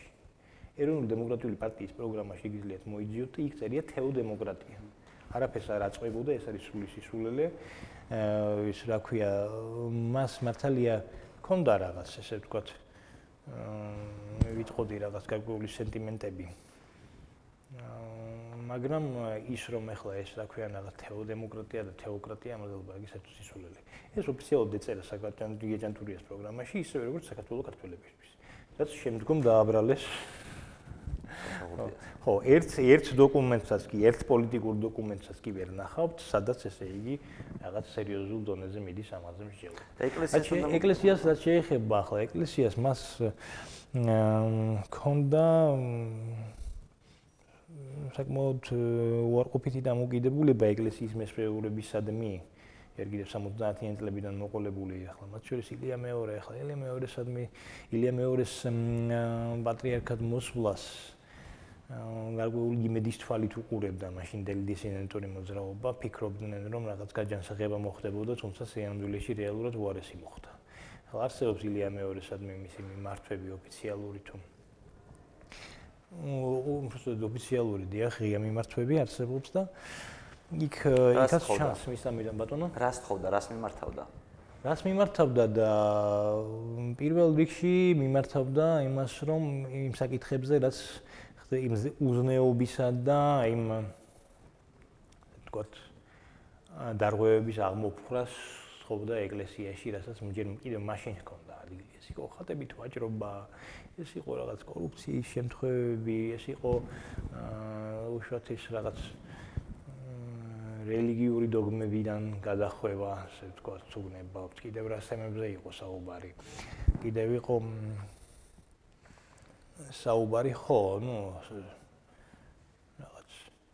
საბჭოთა ორგანოებთან თუ სპეცსამსახურებთან თანამშრომლობა, მოკლედ ყველა ის დაავადება. მე წერილიც მაქვს ნახე. დაავადება რაც დღეს ჭირს ჩვენ ეკლესიას, ეს ახალი არ არის. მე მაქვს წერილი ნახე თვალსები 93 წელი თარიღდება, შეიძლება მეშლება, მაგრამ ეს მახსოვს.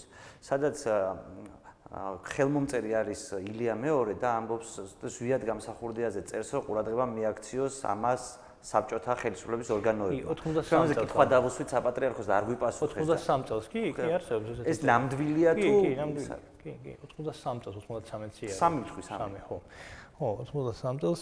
შემდეგ ახლა რაღაც იყო გარკვეული ნორმალიზაციის ცდილობებით შემდეგ უკვე პრეზიდენტიც თორსა გახდა, მაგრამ ილია მეორე რა არის? ილია მეორე შიში ჰქონდა მისი, მოდი ესე ვთქვა. იცოდა ჯერ ერთი რომ ახლა მამა საკმაოდ კარგად იცნობდა ქრისტიანობას, მათ შორის ქრისტიანობის როგორც შინაგან ისე გარეგნულ მხარეს, ესმის, კარგად იცოდა რაც ხდებოდა ეკლესიაში და პირველ რიგში ესე იგი საეკლესიო სასამართლოს შემოღებას უჭერდა მხარს, ესმის. ანუ თვითონ ეკლესიას, ეკლესიის დამოუკიდებლობის განმტკიცებას, ესმის და ეკლესიას თვითონ რომ ჰქონოდა რაღაც გარკვეული სასამართლო სადისციპლინარული დისციპლინარული ორგანო, ესმის ეკლესიას. და ილია მეორემ რა გააკეთა ხო? ილია მეორემ არათუ ყოველგვარი კრიტიკის და ყოველგვარი განხილვის მიღმა გაიყვანა ეკლესიის ყველა ქმედება. არამედ კიდევ ილია მეორეს დროს მოხდა ცენზის განათლების ცენზის მოხსნა დღეს მღვდელს აღარში აღარ ესაჭიროება. განათლების ცენზი აღარ არსებობს გესმის დღეს მღვდელს აღარ ესაჭიროება იყოს რაღაც სასულიერო აკადემიის კურსდამთავრებული გესმის ანუ ნებისმიერი ბიდლო ყაჩაღი რაღაც მაწანწალა გესმის შენ რაღაც შესაბამისი ნაცნობობით მეგობრობით ჩალიჩით. მოდი ესე რომ ვთქვათ რომ კადრები რო წვერან ყველაფერს გესმის შენ შეიძლება გახდეს მოდელი გესმის და მოდელი ეს მოდელი გახდეს და რაღაც პირადი ლოიალობის ნიშნით შემდეგ ასეთი მოდელი ემორჩილება იმას ვინც ესე ვთქვათ მოუგვარა აი წმინდა ქურდულად რომ ვთქვათ გესმის და რა დღეში აგდებს ის მრევლს და შემდეგ ესე იგი რა ეკლესიის ავტორიტეტს. ხო, რა ემართება ამის შედეგად ეკლესიის ავტორიტეტს მოიხსენება, ხო? მაგრამ ნუ დღეს ახლა ჩვენ ცოტა სხვა სიტუაცია გვაქვს კიდევ ამ თვალსაზრისით ქვეყანაში. ოღონდ შემთხვევაში мама ამ ყველაფრის წინააღმდეგი იყო და ილია მეორეს, ილია მეორე მუდმივად დისტანცირებ, დისტანციას ინარჩუნებდა მასთან გესმის შენ. ესე ვთქვათ, მას მისი შიში ჰქონდა. შიში ჰქონდა, აი საეკლესიო სამართლის შიში ჰქონდა, ესე იგი მამასთან დამოკიდებულების შიში, იმის გამოაშკარებების შიში ჰქონდა, რასაც იგი ესე ვთქვათ აა რაც იდგა მის ზურგს უკან რა, მოდი ესე ვთქვათ, ჯერ კიდევ 70-იან წლებიდან მოყოლებული მისი საქციელი იქნებოდა ეს თუ ასე ვთქვათ. ხო, თან ამავე დროს იყო ახლა აა ის ფაქტორი, რომ მილია მეორე განუხრელად დასრულებდა საბჭოთა სპეცსამსახურებიდან მიღებულ გეგმას და რა რაში გამოიხატებოდა ეგ მაგალითად რა შეიძლება საბჭოთა სამსახურებიდან მიღებულ გეგმას რომ ესე იგი მას არ არ შეიძლებოდა და ეკლესია დაეახლოვებინა ეროვნულ ხელისუფლებასთან. ეკლესია არ უნდა არ უნდა ყოფილიყო ეროვნულ ხელისუფლების მხარეს მდგომი. გესმის. ანუ მაშინ როდესაც ახალფეხადმო ქვეყანას ყველაზე მეტად სჭირდებოდა ეკლესიის თანადგომა, გესმის, ეკლესია საქართველოს ეკლესია საქართველოს გვერდში არ ედგა. გესმის? და მას ასევე ჰქონდა პირადი ლოიალობა, თუ იგი იმართებოდა ასევე ედვარდ შევარდნაძის მიერ.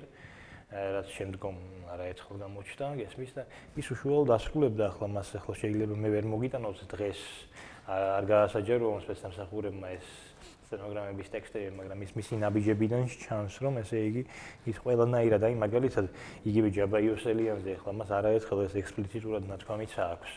რომ როგორ მფარველობდა იგი ჯაბაიოსელიანს, მაშინ როდესაც ფედრიონის განიარაღების პროცესი დაიწყო, მან შესთავაზა ჯაბაიოსელიანს ეს ფედრიონიო საეკლესიო ჯარად ხომ არ გადავაკეთოთ.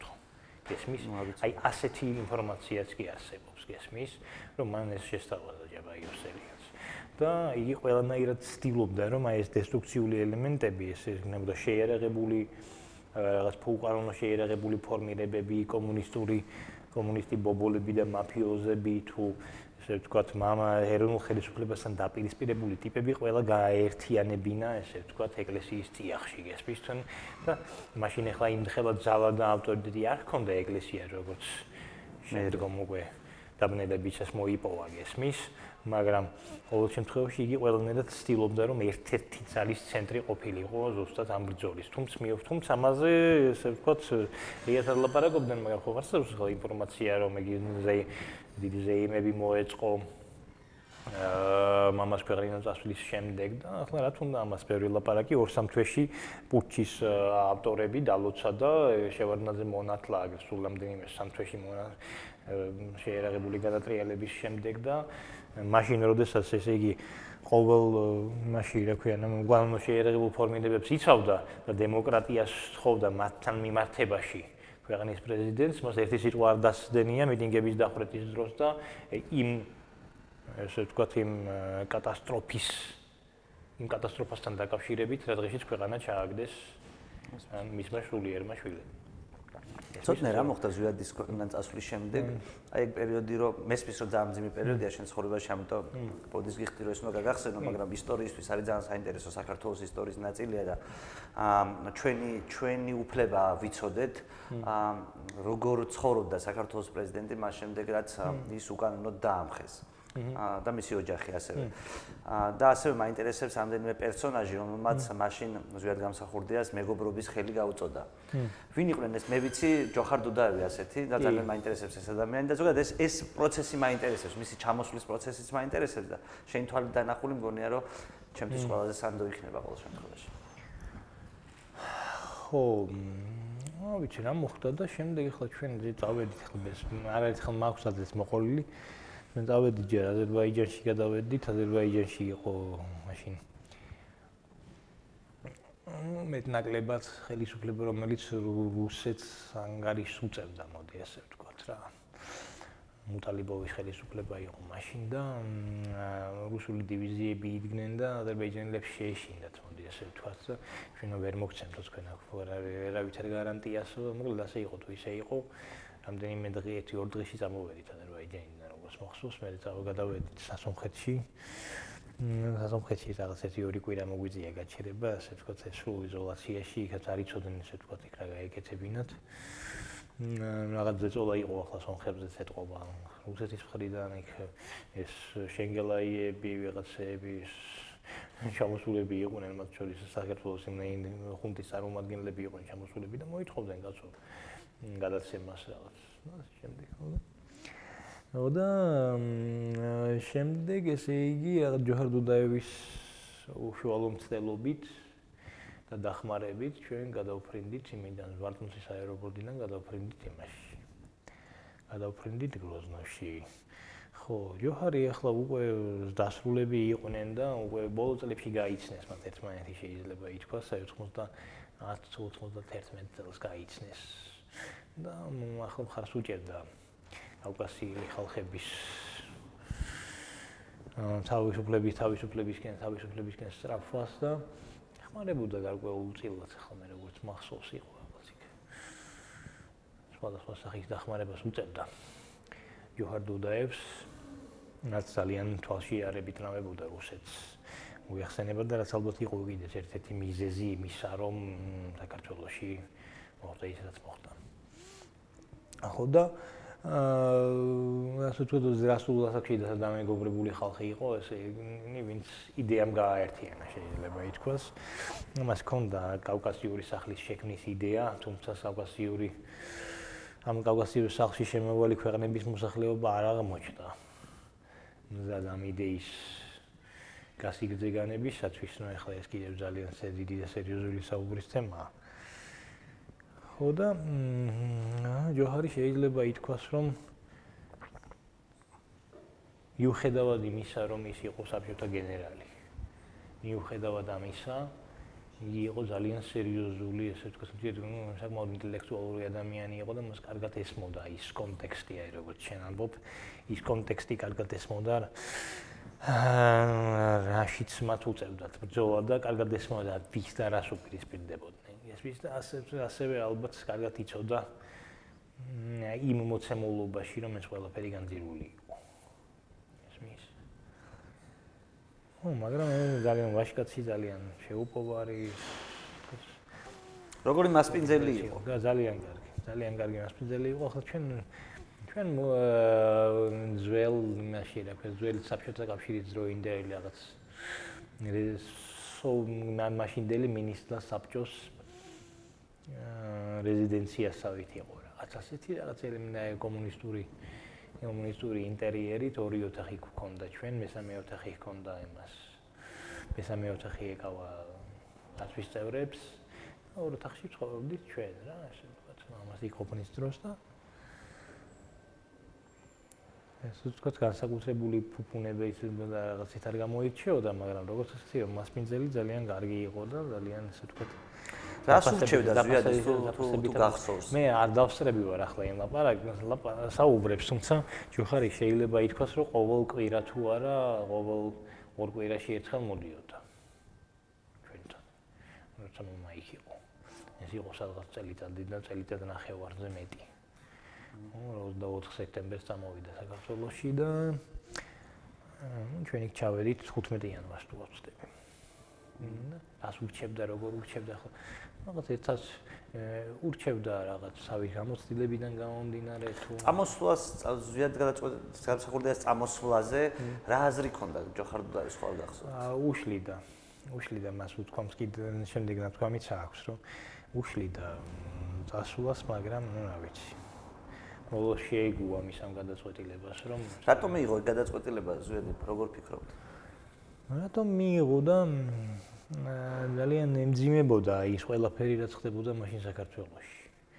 ერთის მხრივ აფხაზეთის ომი აფხაზეთის ფაქტობრივი ესე ვთქვათ ფაქტობრივი დაგარგვის საფრთხე. ერთის მხრივ აფხაზეთის ომი მეორეს მხრივ მეორეს მხრივ იყო ის უპრეცედენტო ვითარება, კატასტროფული ვითარება ქვეყანაში, ესე იგი მიმდინარეობდა რა მიმდინარეობდა იყო ფაქტობრივად რამდენიმე ათასი ტრის მიერ მხარდაჭერილი შეიარაღებული ნაზირალას მსხვერპლი გახდა მთელი ქვეყნის მოსახლეობა შეიძლება ითქვას, იგი. მთელი ქვეყნის მოსახლეობა იძარცნა რაღაც სრული კრიმინალიზაცია, ქაოსი, იძარცვებოდა ქვეყანა, ესე ვთქვათ, ამ ყველაფრის ყურება, ამ იდეა იძებსებოდა ქვეყანა, იხოცებოდა ხალხი, ესმის ახლა აფხაზეთში, კიდევ აფხაზეთის სიტუაცია ახლა როგორ ჩანდა, ხო? შევარნაძე მოგეხსენება ხომ ჩამოვიდა 24 სექტემბერს, ხო? 24 სექტემბერს ჩამოვიდა ეს უკვე, როდესაც სოხუმის დაცემის პროცესი უკვე დაწყებულია. ეს მის 27 სექტემბერს დავგარგეთ ჩვენ სოხუმი, ხო? ესე იგი და მის ხედავდა იმ პროცესებს, რაც იქ ვითარდებოდა და სწორედ სოხუმში რაც განვით, გამოვლენებიც განვითარდა თუ გახსოვს შენ, ერთი წლით ადრე გააკეთეს ამის აპრობაცია გაგრაში. ანუ ზუსტად ისევე მოსკოვის შეთანხმებით მოსკოვში შედგა შეთანხმება რომ ქართველი ქართველი ქართული ძალები უნდა განეიარაღებინათ და გამოეყვანათ გაგრის მისადგომებიდან ისევე დატოვეს სანადირო ტოფების და ავტომატების ანუ არა ქართველები გაგრაში ესმის და აფხაზები კი უკვე იქცნენ გუდაუთაში. აფხაზები უკვე იქცნენ გუდაუთაში, იქ მათ ამზადებდნენ რუსი ინსტრუქტორები, არავის არ ჰქონდა წვდომა იქ სინამდვილეში რა ხდებოდა, აიგეთ და შევრა ერთ თვეში შეუტიეს ამ უიარაღოდ დარჩენილ ქართველებს ეს იყო 92 წლის სექტემბერი, ოქტომბერი იყო თუ არ ვცდები. 92 წლის ოქტომბერში შეუტიეს ამ უიარაღოდ დარჩენილ ქართველებს და მათ დავებით ეხუთი ითამაშეს. ესმის, ანუ ზუსტად იგივე რაც მოხდა სოხუმში, ზუსტად იგივე ერთი წლის ადრე გააკეთეს გაგრაში. ესმის და мама ამას ხედავდა და ახლა სულელი უნდა ყოფილიყო ან მგონება დაბრმავებული შევარნაძის ვიღაც მონა, ესმის რომ ეს ვერ დაენახა. და ზუსტად იგივე სახელმწიფოებდნენ სოხუმში, ესმის, რომ ესე იგი, სადღაც აგვისტოს ბოლოს ისევე შეთანხმებით მოხსნეს артиლერია მოხსნეს ფაქტიურად ფრონტის ხაზი გააშიშვლეს, დატოვეს ხალხი ასევე სანადირო ტომების ამარა, ესმის და მამამ პრაქტიკულად იწოდა ისინი რასაც აპირებდნენ. და მიზანი რა ქონდა? რისი გადარჩენა უნდა? რა ვიცი, რისი გადარჩენა უნდა და მას არ შეეძლო რომ განზე მდგარიყო. ჯერ ერთი რომ ესე იგი ალბათ გადარჩენა უნდა და იმის რაც დარჩა და მეორე კიდევ იგი თვლიდა რომ ახლა მისთვის ეს არ იყო ძალაუფლებისთვის ბრძოლა და იგი აქვს. მისთვის ეს ძალაუფლებისთვის ბრძოლის საკითხი ყოფილი დაკარგვა არ დაკარგვის პროცესი ყოფილიყო, ხო? იგი დათანხმდებოდა ჯერ კიდევ 22 დეკემბერს, როდესაც მას შესთავაზეს ალმა-ატაში კონფერენციაში მონაწილეობა და დათანხმდება ეს ევროპა. ხო. შეინარჩუნებდა, შემოტკბილად შეინარჩუნებდა, მაშინ რუსი გენერლები მოვიდნენ და პირდაპირ ეცას უკვე ეგ სიტუაცია იზრდებოდა და სროლა იწყებოდა. მოვიდნენ და პირდაპირ შესთავაზეს მას. სამუკა ახალ სამუკავშირო ხელშეკრულებაზე ხელის მოწერა, რაც მან უარი განაცხადა. დსთ-ში შესვლა ომის დაწყების ამოცულა. ხო, ძალაუფლების არ დაკარგვი ხო, ну, ესე ვთქვათ, ეს ეს ეს შეიძლება, ისე შეიძლება ითქვას. იგი შენ ანუ მისთვის ეს შეიძლება ეს არც იყოს სწორი ისე, იმიტომ რომ მას მეტი ეფიქრა საკუთარ რაღაცნაირი, ესე ვთქვათ, შეიძლება ითქვას, რომ რაღაც შინაგანი რაღაც ფილოსოფიური დამოკიდებულება ჰქონდა რაღაცნაირი მას ეს. არ უყვარდა ესე ვთქვათ, აი შემდგომი პოლიტიკოსების თაობებისგან გაიგე, ეხლა დღეს რო ეს კამიდან ვერ ააგლეჩხო განსაკუთრებით ამ ახალთაობას ჩვენს ასკესმის რაღაც უსახურო ბიოგრაფია პოლიტიკოსებს ახლა დღესობიზინე ივანიშვილმა შეკრიბა. ნებისმიერ სიტუაციაში რომ ცდილობენ რომ აი როგორც კატაცილოს ფეხებზე დავარდნას ესენი უკანალი სკამში ჩავარდნას რომ ცდილობენ ნებისმიერ სიტუაციაში სიტუაციაში გესმის შენ აი მისთვის ეს რაღაც ის რაღაც ესეთი დისტანციური თემა იყო ზალაუფლება. ეს რაღაცნაირად მას ესე ვთქვათ, ეს ირცხვილებოდა კიდეც შეიძლება ის თქვას ის რომ აი რაღაცნაირად ებრძოლა ამ ძალაუფლებისთვის, გესმის? ხო და ალბათ ეს არისო კარგი შედეგის თვალსაზრისით მე რომ გითხავ რაღაც კარგი ცოტა მეტი უნდა გამოეჩინა მას ესე ვთქვათ მეტი მეტად ჩამღაუჭებოდა თუნდაც ესე ვთქვათ ამ ძალაუფლებას იმისათვის რომ ქვეყანა გადარჩენილიყო. ანუ დსთ-ში შესვლა სწორი ნაბიჯი იქნება. აა დსთ აა დსთ-ში შესვლა სარგეონები საერთოდ ვიზახი ეს მის ამ დამოკიდებულებასთან დაკავშირებით. დსთ-ში შესვლას და მე ზოგადად გითხარი მისი დამოკიდებულება ხა მას რომ დომოდა და ლოკლების შენარჩუნება თქო რო გითხარი ახლა როგორც შევარ რაც გააკეთა შევარნაძემ შემდგომ მას არ დაჭirdებოდა ამისთვის. იქ ნემო ბრჭულაძემ მითხა ზუსტად ვირაჯების გაკეთება. უბრალოდ რო წავედით და ხე რო უთხარით რომ არ შევდივართო ზუსტად მეორე დილით დაიწყო. ზუსტად მეორე დილით დაიწყო დიახ 21-ში 22-ში იყო ისა ეს ესენგე შეიქმნა 22 დეკემბერს თუ ვაცდები თუ სამიტი იწყებოდა იმაში ალმა-ატაში 22-ში და 21-ში, 21-22-ში იყო ზუსტად. საქართველოს დაბრუნების მერე რა მოხდა? აი საქართველოს რას ქვია საქართველოს? აი საქართველოს დაბრუნდა ზუსტად გამსახურდია, რაღაც თავისი მიზნები ჰქონდა. ამ დროს აფხაზეთის ომია გაჩაღებული. ხო და მის ხო და მისთვის ეს ეს ძალაუფლებასთან დაკავშირებული ძალაუფლების დაბრუნებასთან დაკავშირებული პროცესი კი არისო. ესმის აი აფხაზეთის გარდა კიდევ იყო ქვეყანა გადასარჩენი, ქვეყანა გადასარჩენი იმ ხროვისგან რომელმაც შემდგომ რა დღეში ჩააგდო ეს ქვეყანა, ალბათ უკვე ახლა ამას გამეორება აღარ სჭირდება. ესმის, ანუ მისი მიზანი იყო პირველ რიგში არა ხელისუფლების დაბრუნება, ესმის, არამედ ქვეყნის გადარჩენა იმათგან, რაც ესე იგი რაც ჩვენ დაგვაწყდა თავს და სხვადასხვის სწორედ ოქტომბერ 8 ოქტომბრის მის გამოსვლაში თუ ნანახი გაქვს. შენ იგი ზუსტად დეტალურად აღწერს რა მოხდება მისი წასვლის შემთხვევაში. ნანახი გაქვს ეგ კადრები? ხო.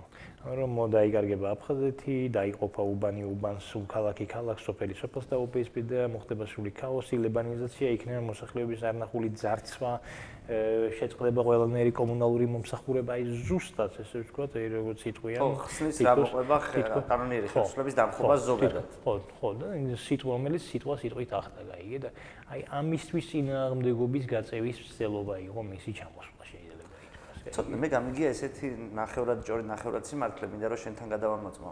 აა, როდესაც ძვედგამსახურდია ჩამოვიდა, მას აფხაზებმა შესთავაზეს პატივისცემა და დაფასება იმ შემთხვევაში აა თუ ის როგორც საქართველოს პრეზიდენტი რაღაც დოკუმენტზე ხელს მოაწერდა. იყო იყო იყო. იყო ეს. იყო მას შემდეგ რაც იმაში რა ქვია ბალტინის ჯარები რო შემოვიდნენ და ესენი გადავიდნენ აფხაზეთში.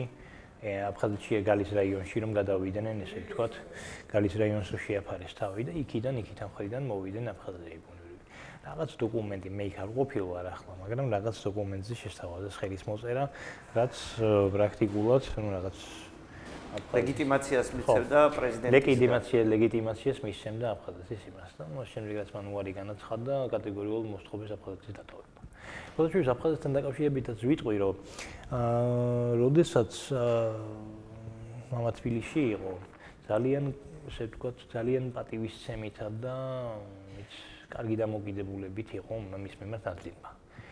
აძინება და იყო საუბარი იმაზეც კი რომ საქართველოსი შეიარაღებული ხალხი საქართველოსი კი არა უფრო სწორედ თბილისში კაცო თბილისში შეიარაღებული ხალხი გამოეგზავნა აი პუჩისტოს დასახმარებლად სადაც მამა მოარი უთხრა ამაზეც კი იყო საუბარი. და საერთოდ აფხაზეთის ომი ახლა რატო დაიწყო? ხო რატო შევიდნენ თავიდან? ახლა მას მთელი რიგი აა მოსაზრებები ჰქონდა. ედო საფუძვლად უფრო სწორედ ესე იგი ერთი იყო მე დარწმუნებული ვარ ამაში პრაქტიკულად რომ იმისათვის რომ დაეპირისპირებინათ ჩtildeო კავკასია და ამიერკავკასია ერთმანეთთან. პირველ რიგში ეს კავკასიური გახლეჩვისათვის მithumetes მაშინ როდესაც ვიეტნამსახურდა იმყოფება გროზნოში გესმის და ასე ვთქვათ, არის კარგი ურთიერთობები ჩtildeოეთ კავკასიასთან. აი, აი მაშინ ეს ამის ნაღმის აფეთქებას ჰქავდა, გესმის, შენ რუსული სპეცსამსახურების მხრიდან, რომ შეიძლება ითქვას, რომ დიდი ხნით დაასამარა ამან რაღაც ერთიანი კავკასიის იდეა. ეს ის პერიოდი, როცა ჩეჩნეთი ფაქტობრივად დამოუკიდებელია. გესმის, ჩეჩნეთი ფაქტობრივად დამოუკიდებელია და რუსეთი იმდენად სუსტია, რომ კარგავს ფაქტიურად, ну, რა ვიცი ეს. დაღესტანში, ყაბარდო-ბალყარეთში რაღაც გარკვეული პროცესები მიდი, ადიღეაში მიდის გარკვეული პროცესები, გესმის და აი აფხაზეთის ომში რუსეთს უმა სპეცსამსახურებმა შეძლეს ამ აა ჩრდილოკავკასიელი მთიელების განერთიანება საკუთარი დროშის ქვეშ. წარმოგიდგენია შენ? ან როგორი მანევრი გააკეთეს, გესმის, შეიქმნა ეს კონფედერაცია, ჩრდილოკავკასიელ მთიელთა კონფედერაცია, რომელიც ღიაც არ ამბობდნენ ფაქტიურად, მაგრამ რეალურად აკეთებდა რუსეთის საქმეს და მათ ავარჯიშებდნენ და აიარაღებდნენ რუსული სპეცსამსახურები და რუსული რეგულარული არმია კაცო. აი აგერ ამასთანაც რუსი პილოტის მოგონებებს ვკითხულობდი, როგორ ჩავიდა გუდაუთაში, შემდეგ რომ ბომბავდა ქართულ პოზიციებს და როგორ დახვდა მას გვარები აღარ მახსოვს იმჟამინდელი რუსეთის სადესანტო ჯარების მეთაური და მისი მოადგილე ორი გენერალი. ესმის? ანუ რუსეთმა ფაქტობრივად ესე იგი ეს აი ჩილოიკავკასიემ იგივე ბასაევი შამილ ბასაევი იგივე რომელიც შემდეგ ჩეჩნეთის ომში იმას რა ქვია ნაციონალ დაგლიჯეს და ისე მოკლეს. ხომ? მაშინ ხომ? ესე ფაქტო რუსული დროშის ქვეშ იბრძოდა გესმის ანუ ესე იყო წარმოუდგენელი პროვოკაცია იმ სიბრიყვის ესე ვთქვათ გაუაზრებლობის გაუცნობიერებლობის მათ შორის ისლამური კარტიც გამოიყენეს გესმის შენა რომ ე მუსულმან აფხაზებს მაგალითად უპირისპირდებიან ქრისტიანი ქართველები. ეს პირველ რიგში ეს იყო რუსული ნაღმი ამ კავკასიის გასახლით ჩადდა დასაკუთრებად ეს ერთი. მე მეორე ეს იყო აუცილებლად ეგრეთ წოდებულ ზვიადისტებთან საბრძოლველად, იმიტომ რომ ემაც ვერ ეხებოდა. აჭარაში და აფხაზეთში აა მამას მომხრეებს ვერ ეხებოდა შევარდნას. ეს იყო ფაქტობრივად ანკლავები, ანკლავები მის წინააღმდეგ. მისი რეჟიმის წინააღმდეგ. თუ თბილისში და იგივე სამეგრელოში ამას სისხლი ახშობდნენ და ახლა ხანდახან ისე გამოხავთ, რომ აი სამეგრელოში დარჩა მას მარტო მომხრები და დანარჩენი საქართველო მისი წინააღმდეგი იყო, გესმით თქვენ და ესე თბილისში რო 200.000 კაციანი მიტინგი დახვრიტეს იმაზე ორთებერვალს.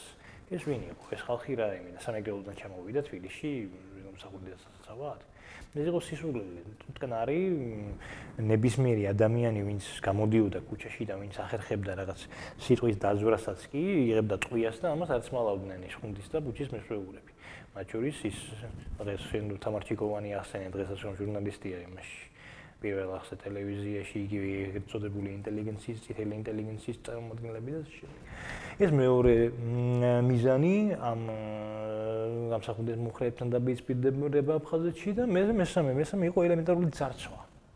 ელემენტარული ძარცვა, რაც გააკეთეს სამეგრელოში, იგივე გააკეთეს აფხაზეთში ფაქტობრივად თავიდან. გესმის? ანუ ესე იგი ახლა რაღაც იქ პატრიოტულ მოტივებზე ლაპარაკიც ზედმეტი იყო, შეიძლება ითქვას, საფრთხეში მიდიოდნენ, იმიტომ რომ მანქანა ჩამოეყვანა, ან მებელი ჩამოეტანა ბრალებში გაიგეში. ახლა იქ იყვნენ შემდგომ ახლა პატრიოტულად განწყობილი ახალგაზრდები და ყველა ასეთი შეიძლება არ ყოფილა, მაგრამ ჩვენ ხო ვიცით ეს კაცო. აგერ შეგიძლიათ შეხვიდეთ ეგერ ინტერნეტში დევს, სადღაც მაქვს შენახული ასევე ფირით, შეგიძლიათ მე გამოგიგზავნო.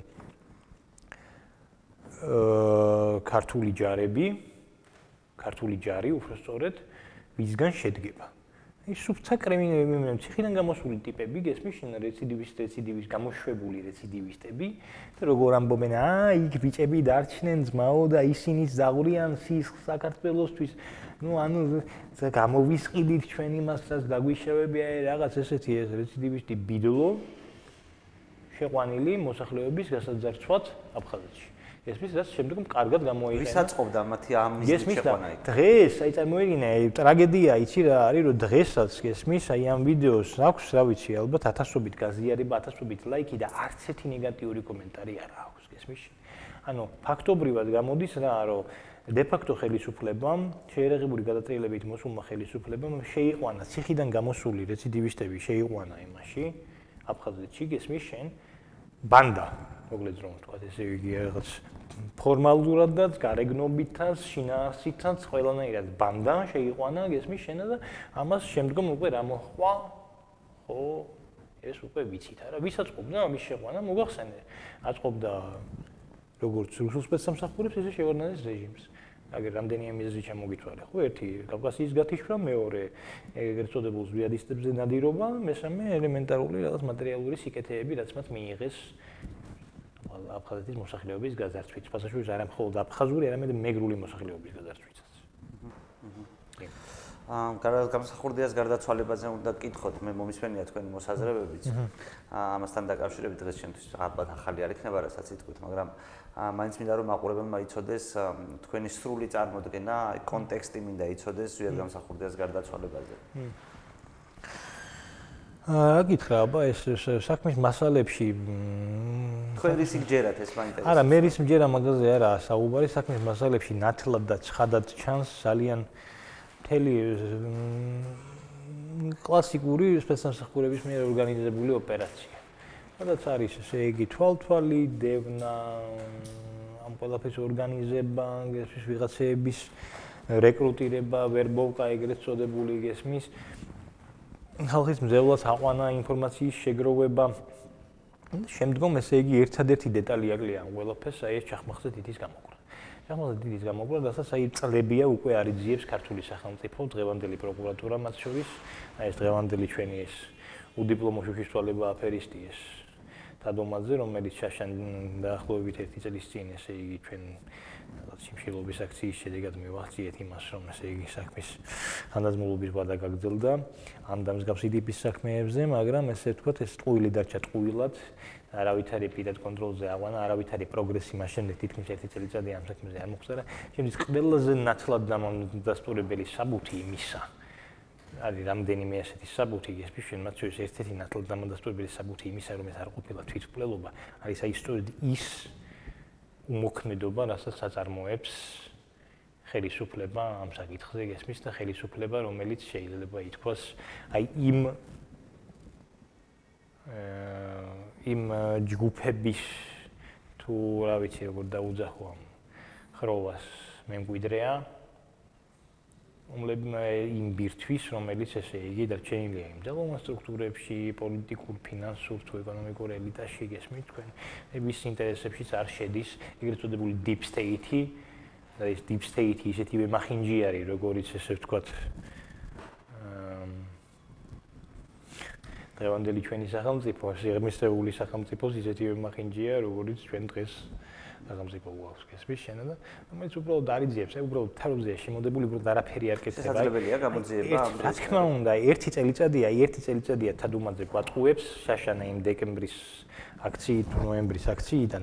ერთი წელიწადია გვატყუებს საკეთებს ვითომ საგამოძიებო ექსპერიმენტს და ერთი წელიწადი არ გაუკეთებია იაკო. შეიძლება საინტერესო იყოს თენგის კიტო მითხა ეგეთი რაღაცა რომ ეგო და ეგო ეგ დავალება ქონდა ავთო იოსელიანს, ავთო იოსელიანი შესრულებულია, მან ესე თქვა და თვითკვლობა გამორიცხა ესეთი უცნაური მოტივით, რომელიც მე აქამდე არ ვიცოდი და უბრალოდ შენთან მინდა გადავამოწმო, რომ სვიადის თავში ორი ტყვია ქონდა მოხვედრილი და ორი ტყვით თავს არ იკლავენ. არა, ორი ტყვია არ ქონდა მოხვედრილი, მაგრამ ეს რა ქვია, იქ არის საკმარისზე მეტი არ მინდა ახლა საუბარი საკმარისზე მეტი მტკიცებულება მათ შორის აი წმინდა ექსპერტული თვალსაზრისით გესმის კრიმინალისტიკური ექსპერტიზის თვალსაზრისით გესმის და აი ერთი წელიწადია აგერი 25 წელიწადზე მეც აღარ ვსაუბრობ უკვე რაც აი ხო გეუბნები ელემენტარული საგამოძიებო ექსპერიმენტი არა ჩატარებული აი მსგავსი ანატომიური მონაცემების ადამიანს მსგავსი სიგრძის სიდიდის იარაღით მსგავსი გაბარიტების იარაღით რამდენად შეეძლო ამ ტრაექტორიით ამ გასროლის განხორციელება. ეს არ გაუგეთებიათ, გესმის შენ. საგამოძიებო, ხო და რაც შეეხება აფთუიო სერიას, დიახ, მას აქვს ამაში საქმეში ჩანს კიდევაც ეს ყველაფერი, მას აქვს ამაში მონაწილეობა მიიღებული, თუმცა აფთუიო სერიანის გარდა კიდევ არსებობს სხვა ჯგუფები, მას რამდენიმე ჯგუფი დაძდებდა, ეს საკმარისი მეტი მასალაა. იაგო ხო გეუბნები და ისინი ხელსაფარებენ უბრალოდ უშიშროების თანამშრომლებს, ჯერ კიდევ საბჭოთა კგბ-ს თანამშრომლებზეა საუბარი, ვინც ეს ყველაფერი განახორციელა. და იქ ვინც იყვნენ ზრიადის თანამებრძოლები, იმათი აზრი რა არის და რამდენად არის შენთვის დამაჯერებელი? არა, ისინი უბრალოდ ახლა უბრალოდ იტყუებიან. ისინი უბრალოდ იტყუებიან, დამაჯერებელი ვერ იქნება, იმიტომ სამივე სხვადასხვა რაღაცას ყვება, ახლა ფაქტობრივი უზუსტობებია და აი ელემენტარულად ხო, აი კიდევ ერთი დამამტკიცებელი საბუთი ისიც რა არის, რომ აი ბესარიონ გუგუშვილი ვინც იქ იყო ასევე. იმჟამად ხო, აი წლიდან წლამდე ცვლის და ამძიმებს ჩვენება. აი სულ ყველაფერი რო დამეჯერებინა, ხო, ხო გეუბნები, აი თუმცა ეს წლიდან წლამდე შეცვლილი რაღაც გამოქებული, გამძაფრებული ჩვენებები ეს ვიშენა, ასევე ის რომ მაგალითად აი ამასინაც ერთმა უცხოელმა ჩემმა ნაცნობმა მითხრა რომ თურმე ზვიად გამსახურდიას ის სიკვდილის წინა რაღაც ანდერძის კიდევს თურმე ვიკიპედიაზე და გავუცდი მეთქი რა ამ ძირისიან და ძგავსი არაფერი არ არსებობს არც უარსებია და აი ბესო გუგუშვილის შეთითხნილი წერილი დევს გესმის თქვენ ესე იგი აი ფსიქალბეში საგამდე მიდიან ესე იგი ძგავსი მონაცემი არც ყოფილა და არც საქმის მასალებში დევს და არ არსებობს საერთოდ რა მისი ხელით დაწერილი აი ამ დონეზე დადიან რომ ესე იგი აყალბონ და წარმოიდგინე ახლა ვიღაცა აი უცხოელის ქართულ რეალობაში შაუხედავი ადამიანი გახდა ამის ფერფლი და მითხრა რომ როგორო კაცო მამა თქვენის სიკვდილის წინა რაღაც წერილი ხოდებსო ინტერნეტში. აი ესე კითხვა დაგისვა. ცოტა რატომ აი დღევანდელი შენი გადმოსახედიდან და ბევრი გიფიქრი ამაზე კეთყობა კიდეც იმაზე რა რა შეიძლება და მათ შორის გაინტერესებს პოლიტიკაც ასევე რა რა ჩათვლიდი ზედ გამსახურდიას შეცდომად რომელსაც სიტყვაზე არ ჩაი შენ არ დაუშვებდი აი უჩევდი რომ ეს არ უნდა გააკეთოს აა ისი რა ახლა ძალიან ესეთი ხო გითხარი თურმეობითი კილო ისტორიას არ უყვარს თქო ის თურმეობითი კილო ისტორიას არ უყვარს და რა ვიცი ალბათ შეიძლება ბევრი რამე ყოფილიყო ესეთი მაგრამ გამიჭirdება ახლა მას საუბარი. მურემი რომ გადაბრუნდება, ახლა გზამერი გამოჩნდება, ახლა ის შემდეგ უკვე ამაზე ლაპარაკია. აი ეს ბოლო წინა კითხვა, ბოლო კითხვასთან იყო კავშირი, შემდეგ ბოლო კითხვასაც დაგისვან მაშინ მოდი. აა იმ იმ ამბებმა, რაც იმ პერიოდში მოხდა საქართველოში, რომლის მონაწილე სხვადასხვა ფორმით იყო ზოგადად გამსახურდია და შენი ოჯახი, დღევანდელ საქართველოსზე რა გავლენა მოახდინა? აი დღეს აი თუ შეგიძლია კავშირი დაინახო იმ დროინდელ იმ დროს რაღაცა მოხდა დღეს ასე რომ ცხოვრობთ იმას შორის. რა თქმა უნდა არა რა თქმა უნდა ეს ყველაფერი ასე ჩვენ მისაურეთ ეს ყველაფერი ახლა შეიძლება ძალიან ბევრი ვერა ბევრი კი არა უმრავლესობა ვერ საცნობიერებს ამ ყველაფერს. მათ შორის ახალგაზრდა თაობა გასო ჩვენ ყველა შვილები ვართ მძევლები ვართ შეიძლება ითქვას სხერპლი ვართ იმ დროის იმ მოვლენების იმ თაობის რას ლაპარაკობ რა თქმა უნდა ეს კავშირი ჩანს ახლა ვიცი, ყოფით ურთიერთობებში თუ გინდა აი აგერ მაგალითად აი კანონმდებლობაში, რაღაც სოციალურ ურთიერთობებში ყველგან იმაში რომ ისტორია რადგანაც არ ვიცით იმ რომ ზუსტად რა მოხდა, შესაბამისად არასწორად ვიქცევით. ყველგან ჩვენ არასწორად ვიქცევით, აი ვერ ვაცნობიერებთ ჩვენ რაღაცა სტერეოტიპებს, გაბატონებულს აი შეიძლება ითქვას, რომ აი ძალიან აი მოდი აი ელემენტარულს გეტყვი მაგალითად აი მანქანის მოძრაობისას მაგალითად აი ახლა აი პურის პურის რიგში დგომას არ გაგონებს აი ზოგი მძღოლის ქცევა. აი 90-იანების პურის რიგში მე მაგას პურის რიგში გაკეთებულ თაობას ვეძახი ხალხს ხალხს ეძახი უფრო სწორედ ეს მაშინ. აი მაშინდელი ესე თქვა стереოტიპები და მაშინდელი ქცევის მოდელები დღეს არა აქვს აქ გადმოტანილი. ან კიდევ აი პოლიტიკოსებს მაგალითად პოლიტიკოსები რომ მოდიან და აი იმას ცდილობენ რომ რაც შეიძლება მეტი მოხვეტოს, მეტი იშოვოს გესმის განურჩევლად მისი ესე თქვა კვალიფიკაციის განათლების შესაბამისობის განურჩევლად ეს ეს არ არის აი იმ გადატრიალების შემდგომი ხელისუფლების მემკვიდრეობა, როდესაც ესე იგი აი ეცნენ და დაიწყეს წარსვა შეიძლება ითქვას, აი ვისაც აი წაიღე რამდენი საღებას შეგიძლია. ეს ქვეყანა სახში წაიღეს შეიძლება ითქვას და ყველა ყველა მეს ვერ შეძლო გესმის, ყველა ყველა დიდი ნაწილი მსხვერპლი იყო და რაღაც პატარა აქტიური ნაწილი იყო, ესე იგი, ვინც ამის ხარჯზე გამდიდდა და რაღაც მდგომარეობას თუ სტატუსი მოიპოვა გესმის თქვენ. დღეს ხო ჩვენ ფაქტობრივად დღევანდელი პოლიტიკური, ეკონომიკური ბიზნესი ხო ფაქტობრივად ამაზეა აღმოცენებული, ხო? ახლა მე შეიძლება ყველას არ გულის, ყველა არ იგულისხმებოდეს, მაგრამ ნუ დიდი ნაწილი მოდი ასე ვთქვათ, გესმის და მაგალითიც ახლა აი ამათი თაობა შეხედე გესმის ისა რა ქვია, ამათ თაობას მაგალითი რა აქვს წინ, გესმის, რომ ტიპი 400-ს გამთავრებული ტიპი, რომელმაც ყველაფერი იკადრა, გაიგე შენ და დღეს მისაბაძი მაგალითია დღეს საზოგადოების დაფასებული წევრია მდიდარია ახლა ერთი ჩვენთვისაც ნიშნავს ეს მაგრამ ბოლო შემთხვევაში ახლა ადამიანებისთვის რომელთა 70%-ზე მეტი სიღარიბის ვას მიღმა ეს სიმდიდრე რაღაცას ნიშნავს ხომ ასეა გესმის შენ და აი საზოგადოების მაგალითი აი ამათი თაობის მაგალითი ეს ტიპები გახდნენ გესმის ამათი მაგალითი ზვიად გამსახურდია არ გამხდარ ამათი ალტერეგო ილია ჭავჭავაძე არ არის ამათი ალტერეგო ალტერეგო ბიძინა გაიგე ბიძინაა და აი მსგავსნი მათნი ესმის შენ რა თქმა უნდა კატასტროფული. ეს მოხდა ეს იყო აი სოციალური კოლაფსი. მოგეხსენება ალბათ აი გატეხილი ფანჯრის თეორია არის ესეთი თეორია სოციალურ ფსიქოლოგიაში. აა როდესაც ამერიკელმა სოციოლოგებმა მოგიყევი მე მგონი თუ არა? ამერიკულმა სოციოლოგებმა ვილსონმა და კელინგმა აღმოაჩინეს აა აღმოჩინეს კი არა უბრალოდ ჩაატარეს ასეთი ექსპერიმენტი. ესე იგი უზრუნველყოფენ მილიონების უბანში კვინსში და კვინსში კი არა ბრონქსში და ჰარლემში დადგეს იდენტური იდენტური მანქანები რა. იდენტური მანქანები და რა ვიცი ჰარლემში ჩაამტრიეს ეს მანქანის ფანჯარა ჰარლემში სადღაც ნუ რამდენიმე დღეში ესე იგი აღარაფერი აღარიდო მანქანაში და ერთ კვირაში საერთოდ მანქანა აღარ იყო რა. აი ზარიანად წაიღეს ესმის ამასობაში ეს ბრონქსში ეს მილიონერების უბანში ეს მანქანა ხელშეუხებლად ჯერჯერობით იდგა შემდეგ მივიდა ეს ერთ-ერთი ვილსონი თუ გელინგი მივიდა და ამ მანქანაში ფანჯარა ჩაამწრია ზუსტად რამდენიმე დღეში მოხდა პრაქტიკულად იგივე რაც ჰარლემში მილიონერების უბანში და აი ამ თეორიას ქვია გადახილი ფაჯრის თეორია ეს ეს სხვადასხვა ვარიაციებით შემდეგ სხვადასხვა სიტუაციებში ჩაატარეს ასეთი ექსპერიმენტები და აი იცი როგორ დონეზე მოხდა ამ თეორიის ვერიფიკაცია გესმის შენ რომ აი მაგალითად ჰოლანდიაში სადღაც ბენზინგასამართ სადგურზე სადაც არ ეწერა რომ ჩვენ აქ აქ მოწევა აკრძალულია ის ბენზინგასამართი სადგურები უფრო ხშირად იძერცვებოდა ვიდრე ისინი რომელსაც ეწერა ესმის აი რაღაცა უცნაური ძალიან უცნაური ერთი შეხედვით კორელაცია იყო ამ მონაცემებში ესმის მაგრამ საბოლოო ჯამში რა დაამტკიცეს ის იმას ამ გატეხილი ფანჯრის თეორიაში რომ იგი ადამიანზე გავლენას ახდენს არც ჩვენ როგორც ვეუბნებიან ვიღაცეები რომ არც გენეტიკა გესმის შენ არც აღაზრდა და არამედ გარემო გარემო ახდენს გავლენას.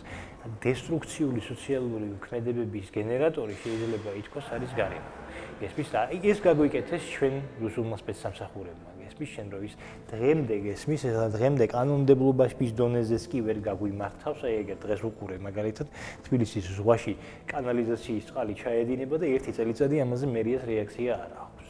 აი თან სვამთ. ხო სვამთ. კი ფეკალიებს სვამთ გაიგე გესმის აი ეს გაგვიკეთეს ეს გადახილი ფანჯრის თეორია ამ გადახილი ფანჯრის თეორიის მიხედვით ესე იგი დაანგრიეს ეს ქვეყანა დიდი მადლობა ცოტა. ძალიან საინტერესო საუბარი იყო. აი ხა. ცხოვრობდა, წვალობდა, ცდილობიღაც გახდე შიმძვიდან ანუ სულს გავდე, გინდა გაჩერდე, მორჩე და გათავდე, მაგრამ